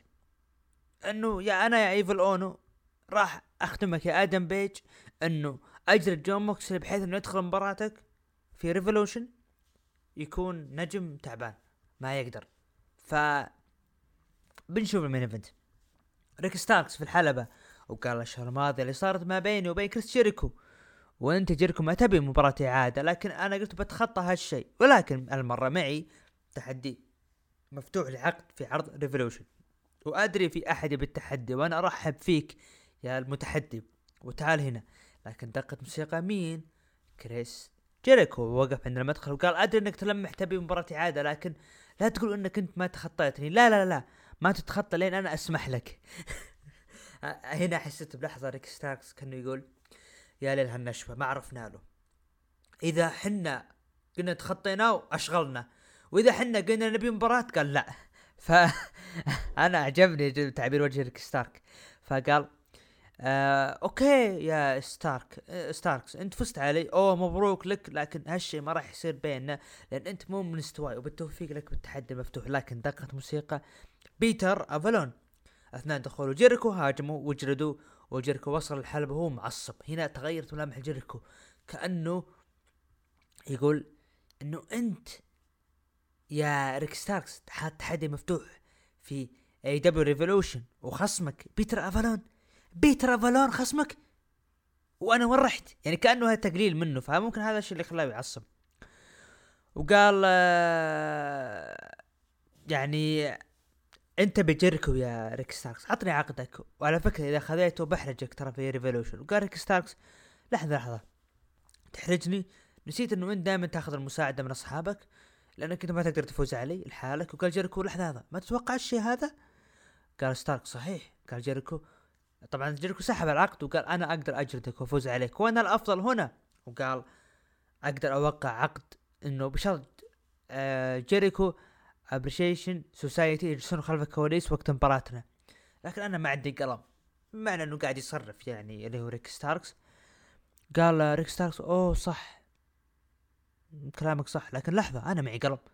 وتغيرت ملامح جيريكو وخذ القلم ووقع العقد على طريق على طريقة List of Jericho والله الجمهور لما اعطاها التفاعل على أيام List of Jericho وبعد ما وقع جيريكو هدد ريكي ستاركس وقال ترى بجلدك في Revolution من أشهر هذه هذه العداوه مستمرة. الغير منطقي استمرار هذه العداوه والتمطيط فيها. المنطقي إنه المفروض إنه منتهيه من زمان. آه نقول إن شاء الله في Revolution تكون هي مسك الختام أتمنى يعني الشيء هذا. لي مورياتي ضد وبيج بيل ضد ال Acclaimed وانتهت المباراة بانتصار لل Acclaimed. توني شوفاني طبعا شفنا المباراة اللي هو تدخل ذا الجن حاولوا تشتيت ال Acclaimed لكن فازوا ال Acclaimed بالنهاية. توني شوفاني رحب بكريستيان كيج المقابلة ولكن دخل وأثناء دخوله هاجموا جنجل بوي وقدر كريس جيريكو أو عفوا كريس جيريكو قدر كريستيان كيج الانقلاب على جنجل بوي بضربة تحت الحزام. وهذه برضو عداوة ترى طولوها مرة فأنتظر متى النهاية تكون. سارايا ضد آه، أو سارية ضد سكاي بلو. ما ادري مباراة متصلي سارية بعد مباراة سارية وتوني ستورم يجلدون. سكاي بلو ولكن دقت موسيقى جيمي هيتر وبريت بيكر وانسحبوا سار... سارايا وتوني ستورم من الحلبة وأثناء خروجهم ظهرت روبي سوهو وتأشر على اللقب. بعدها ما ما, ما عندي تعليق يعني. ممكن أنا أحس جيمي هيتر وبريت بيكر بيكون في touch مستقبلا. براين دانيلسون وصل الحلبة وقال الجميع هنا يريد انتصاري بلقب العالم في Revolution ولكن ثقوا فيني بسوي كل شيء علشان أهزم MJF وعندي كلام بخصوص MJF الأسبوع الماضي وقال إنه يكرهني. okay. سوى كل شيء ضدي ووضع خصوم وحاول سبب إصاب بإصابتي أكثر من مرة ولكنه ما قدر لدرجة إنه جعل ويليام ريجل صاحبي ينقلب علي ولكن دقت موسيقى MJF قال أنا خسرت كل شيء مو مثلك أنت شخص عندك عائله أنا ما عندي عائله تبي تعرف ليش أنا اكرهك شوف الجمهور الغبي اللي يعتقد إنه أنت أفضل مني. أنا اكرهك لأنه أنت عندك دراما وكل وقت تدخل حلبة وتقول المصارعة أهم من عائلتك وأطفالك وأنت كل شيء ماخذه مني. و آه، في مباراتنا راح أعاقبك وعندي رسالة اطفالك وعصب براين قال لا تتكلم عن عائلتي. قال MJF okay okay. وقال وصل رسالة لعيال براين أطفال براين الولد والبنت أتوقع إنهم ولد وبنت. وقال أنا راح أخلي والدكم يدفع الثمن انانيته وأؤكد لكم ما راح يلعب معكم ابدا ولا يقدر يأخذكم وعمكم ماكس راح يعطيه ضربة بالوجه ودخل حلبة ولكن براين دانيلسون هو اللي عطوا ضربة على الوجه وصار هجوم ما بينهم واستمر الهجوم ورجال الأمن حاولوا يبعدونهم أكثر من مرة إلين ما هدوا الوضع. هل يفعلها براين دانيلسون وياخذ اللقب؟ والله بتكون صدمة، أنا متحمس لهذه المباراة، كيف بتكون النهاية؟ مو أنا عارف إنه راح يقدمون مباراة عظيمة لكن متحمس للنهاية كيف بتكون. battle royal الفائز في هذه المباراة راح يقابل The Gunn على القاب على الالقاب وال Acclaimed في Revolution. والأسبوع المقبل برضو راح يكون في casino battle royal الفريق الرابع اللي راح ينضم مع الفائز في هذه المباراة. بحيث إنه يكون فائز في هذه المباراة. والأسبوع المقبل فائز ضد ال Acclaimed ضد ال Gunn Club. أو The Gunn. انتهت ال battle royal بانتصار فريق جيف جاريت وجاي ليثال وتبقى الأسبوع المقبل لمعرفة من هو الفريق الرابع من خلال ال battle royal. خلف الكواليس فرحانين اللي هو اللي هو جيف جاريت وجاي ليثال بالانتصار رغم ال Gunn حاولوا يسوون تحالف معهم. آه خلينا نتكلم عن ال battle royal النهاية ما حبيتها. عفوا دخول اورنج كاسيدي وإنه يساعد ترنت. ما أدري والله ما حبيتها. حسيت إنه في تمطيط بالنهاية. طبعا House of Black House of Black video package وحديث من ال Elite والقاب الفرق الثلاثية وأنهم يريدونها. وتكلم آه بادي ما ماثيوز إنه الأسبوع المقبل في عرض Rampage راح نتكلم وجها لوجه. إعلان مهم لتوني خان. وهنا يبين لك نجاح توني خان. لما دايم ننتقد توني خان هذه المرة نجي نشيده. الجميع كان مترقب. الإعلان المهم في AEW هذا ما حد شكك فيه. ف لما ظهر توني خان قال أنا عندي هنا اعلان مهم والإعلان المهم ما يتم إلا عن طريق شخص واحد. ظهر آدم كول وقال الشهر المقبل راح يكون أسبوعين حلقة AEW All Access بحلقة واحدة وقال بيوم الحلقة هو عودتي من جديد من ست شهور وراح أكون أفضل نسخة يظهرها لكم آدم كول. مثل ما تكلمنا بداية الحلقة أنه بعوف أنه AEW All Access اللي هو نفس نظام اللي هو قريب اللي هو ال Total Bellas و Total Divas ف أنا أشوف إنه توني خان قدر يلعب على الجمهور وقدر يجيب مشاهدات أسطورية بالإعلان هذا. صدقوني لو أعلن توني خان إنه ترى الأسبوع المقبل في AEW All Access الجمهور ما راح يكون يعني المشاهدات راح تقل.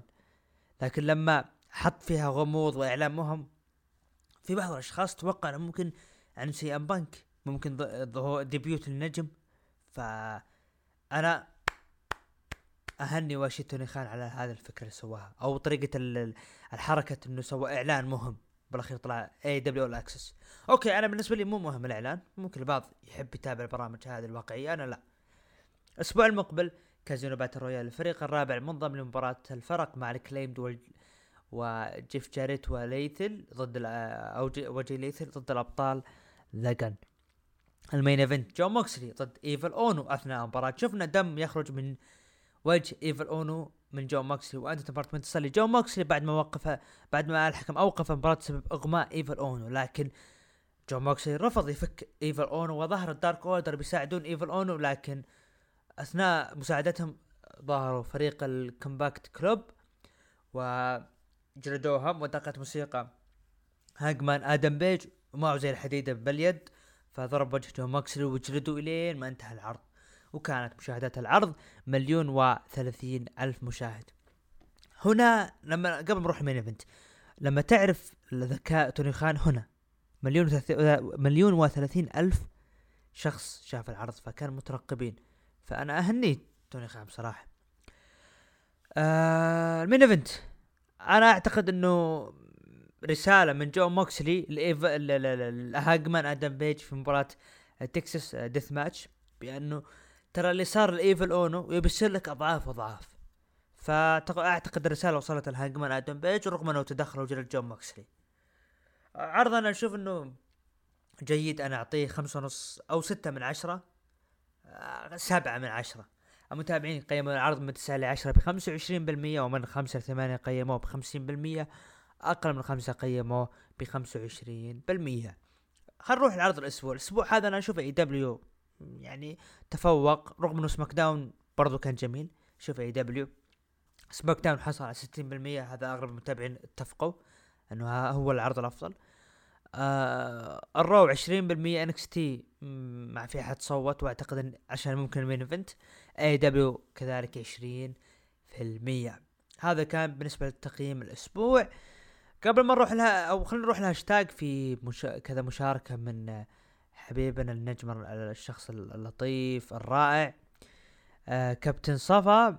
كابتن صفا آه تكلم إنه النزال اللي صار النزال اللي كان مبني على على التحكم بعواطف الجمهور وهذا ما قدمه رومان رينز من خلال تحطيم سامي زين والاستهزاء فيه وكمان ما قدمه سامي زين ليشعل الجمهور بمقاومة رومان وكسر قوته. أجواء خيالية بسبب تفاعل أولا تفاعل الجمهور وبسبب أداء سامي لقصته في هذه المباراة. أنا أتفق مع كابتن صفا يعني سامي آه هو الشخص اللي نجح في هذه العداوة إنه إنه قدم أشياء جميلة بصراحة. فأنا أتفق آه، مع كابتن صفا. ف صحيح سامي زين هو من الأشخاص اللي قدم كل الأشياء في هذه المباراة وبرضه يكمل إنه العامل الأهم في ظهور النزال بهذا الشكل الاحترافي هو selling اللي قدم رومان رينز لضربات سامي زين وكأنه الصاروخ الافضل والأكبر في selling ويعود لسامي زين اللي تلقى كل ضربات رومان بشكل احترافي وتوضح مكانة رومان كزعيم وأن ضربات ضرباته لا تخيف فكان ال selling ممتاز. أتفق أتفق. رومان شوف رومان ليش العالم أول كانوا يقلبونها رومان لأنه ما كان لأنه كان ضعيف في المايك. العالم كلها تتفق إنه رومان مؤدي رائع في الحلبة لكن ضعيف بالمايك. فهذا اللي العالم اللي كانت ما تحب رومان في 2015 و16 17 18 19 20 إلى نهاية 21 رجع رومان والناس حبته. قال الوتر الحساس في نزال في النزال كان جاي أوسو. وهو ما سيحدد وجهة عضو بلود لاين أو عصابة بلود لاين في الفترة القادمة. تدخل جيمي كان متوقع رفض جاي اوسو ضرب سامي زين وسيكون محور بناء للمانيا وإيش راح يكون؟ موقف جاي من ضرب وإهانة رومان له. يعني القاب الفرق أنا أعتقد هي الأقرب شيء ما بين سامي وكيفن اونز ضد الأوسوس. ويقول ختاما قصة امتدت تسع تسع شهور وانتهت بنزال عظيم. واليكم أهم نقاط المباراة. إظهار هيمنة رومان اللا, متناهية ممكن دخول سامي سامي لثلاثية المانيا بسبب تثبيت سامي لرومان رينز. عودة سامي وكيفن tag team. بداية النهاية لبلود لاين وانشقاق جاي خلينا نجيبها حبة حبة كابتن صفا آه هيمنة رومان. أتفق. سامي يدخل مباراة ثلاثية بتكون مغامرة. إن صارت. وإذا صارت بيكون هذا ظلم لكودي رودز. ليش ظلم لكودي رودز؟ ليش من الأساس تفوزوا بال Rumble وبعدين دخلوا يصير كذا؟ المفترض إذا أنت تبغى سامي خليه يفوز بال Rumble وانتهينا. عودة سامي وكيفن tag team هي الأقرب وأتوقع وممكن فعلا انشقاق جاي أوسو قريب جدا. وقال تقييمي خمسة من خمسة يعطيك ألف عافية على المشاركة. ندخل الآن لمباريات عرض AEW Revolution 2023 أسبوع المقبل راح نعطي التوقعات سبع مباريات MJF ضد براين دانيلسون مباراة 60 دقيقة Iron Man match على لقب العالم. The Gunns ضد ال Acclaimed ضد جاي ليثل وجيف جاريت والفريق الفائز الأسبوع المقبل في ال Casino Battle Royale. طبعا هذه مباراة على ألقاب الفرق الرباعية. جون موكسلي ضد هانجمان أدم بيج مباراة Texas Death match واتوقع الفائز منهم ممكن هو يكون مستقبلا اللي يدخل على لقب العالم. سمو جو ووردلو مباراة على لقب AEW TNT الحامل لقب سمو جو ضد ضد ووردلو. كريس جيريكو وريكي ستاركس مباراة آه مباراة فردية عصابة ال Jericho آه Society راح يمنعوه من الدخول لهذه المباراة. آه برضو جيمي هيتر ضد سارايا ضد روبي سوهو مباراة ثلاثية على لقب النساء. وأخيرا The Elite كيني اوميجا نيك جاكسون مات جاكسون ضد ال House of Black ماكالاي بلاك برودي كينج وبادي ماثيوز. مباراة آه على ألقاب الفرق الثلاثية. وهذا هو card عرض AEW Revolution الآن وصلنا للختام ونعتذر عن تأخير هذه الحلقة. ونتمنى انه قدمنا ووفقنا بما يرضي الجميع في هذه الحلقة. شكرا لتواجد أبو عوف في يعني نصف الحلقة وكذلك شكرا لمخرجنا آه، عمر. ونتمنى السلامة له. نراكم بإذن الله الأسبوع المقبل في الحلقة رقم 155 إلى اللقاء.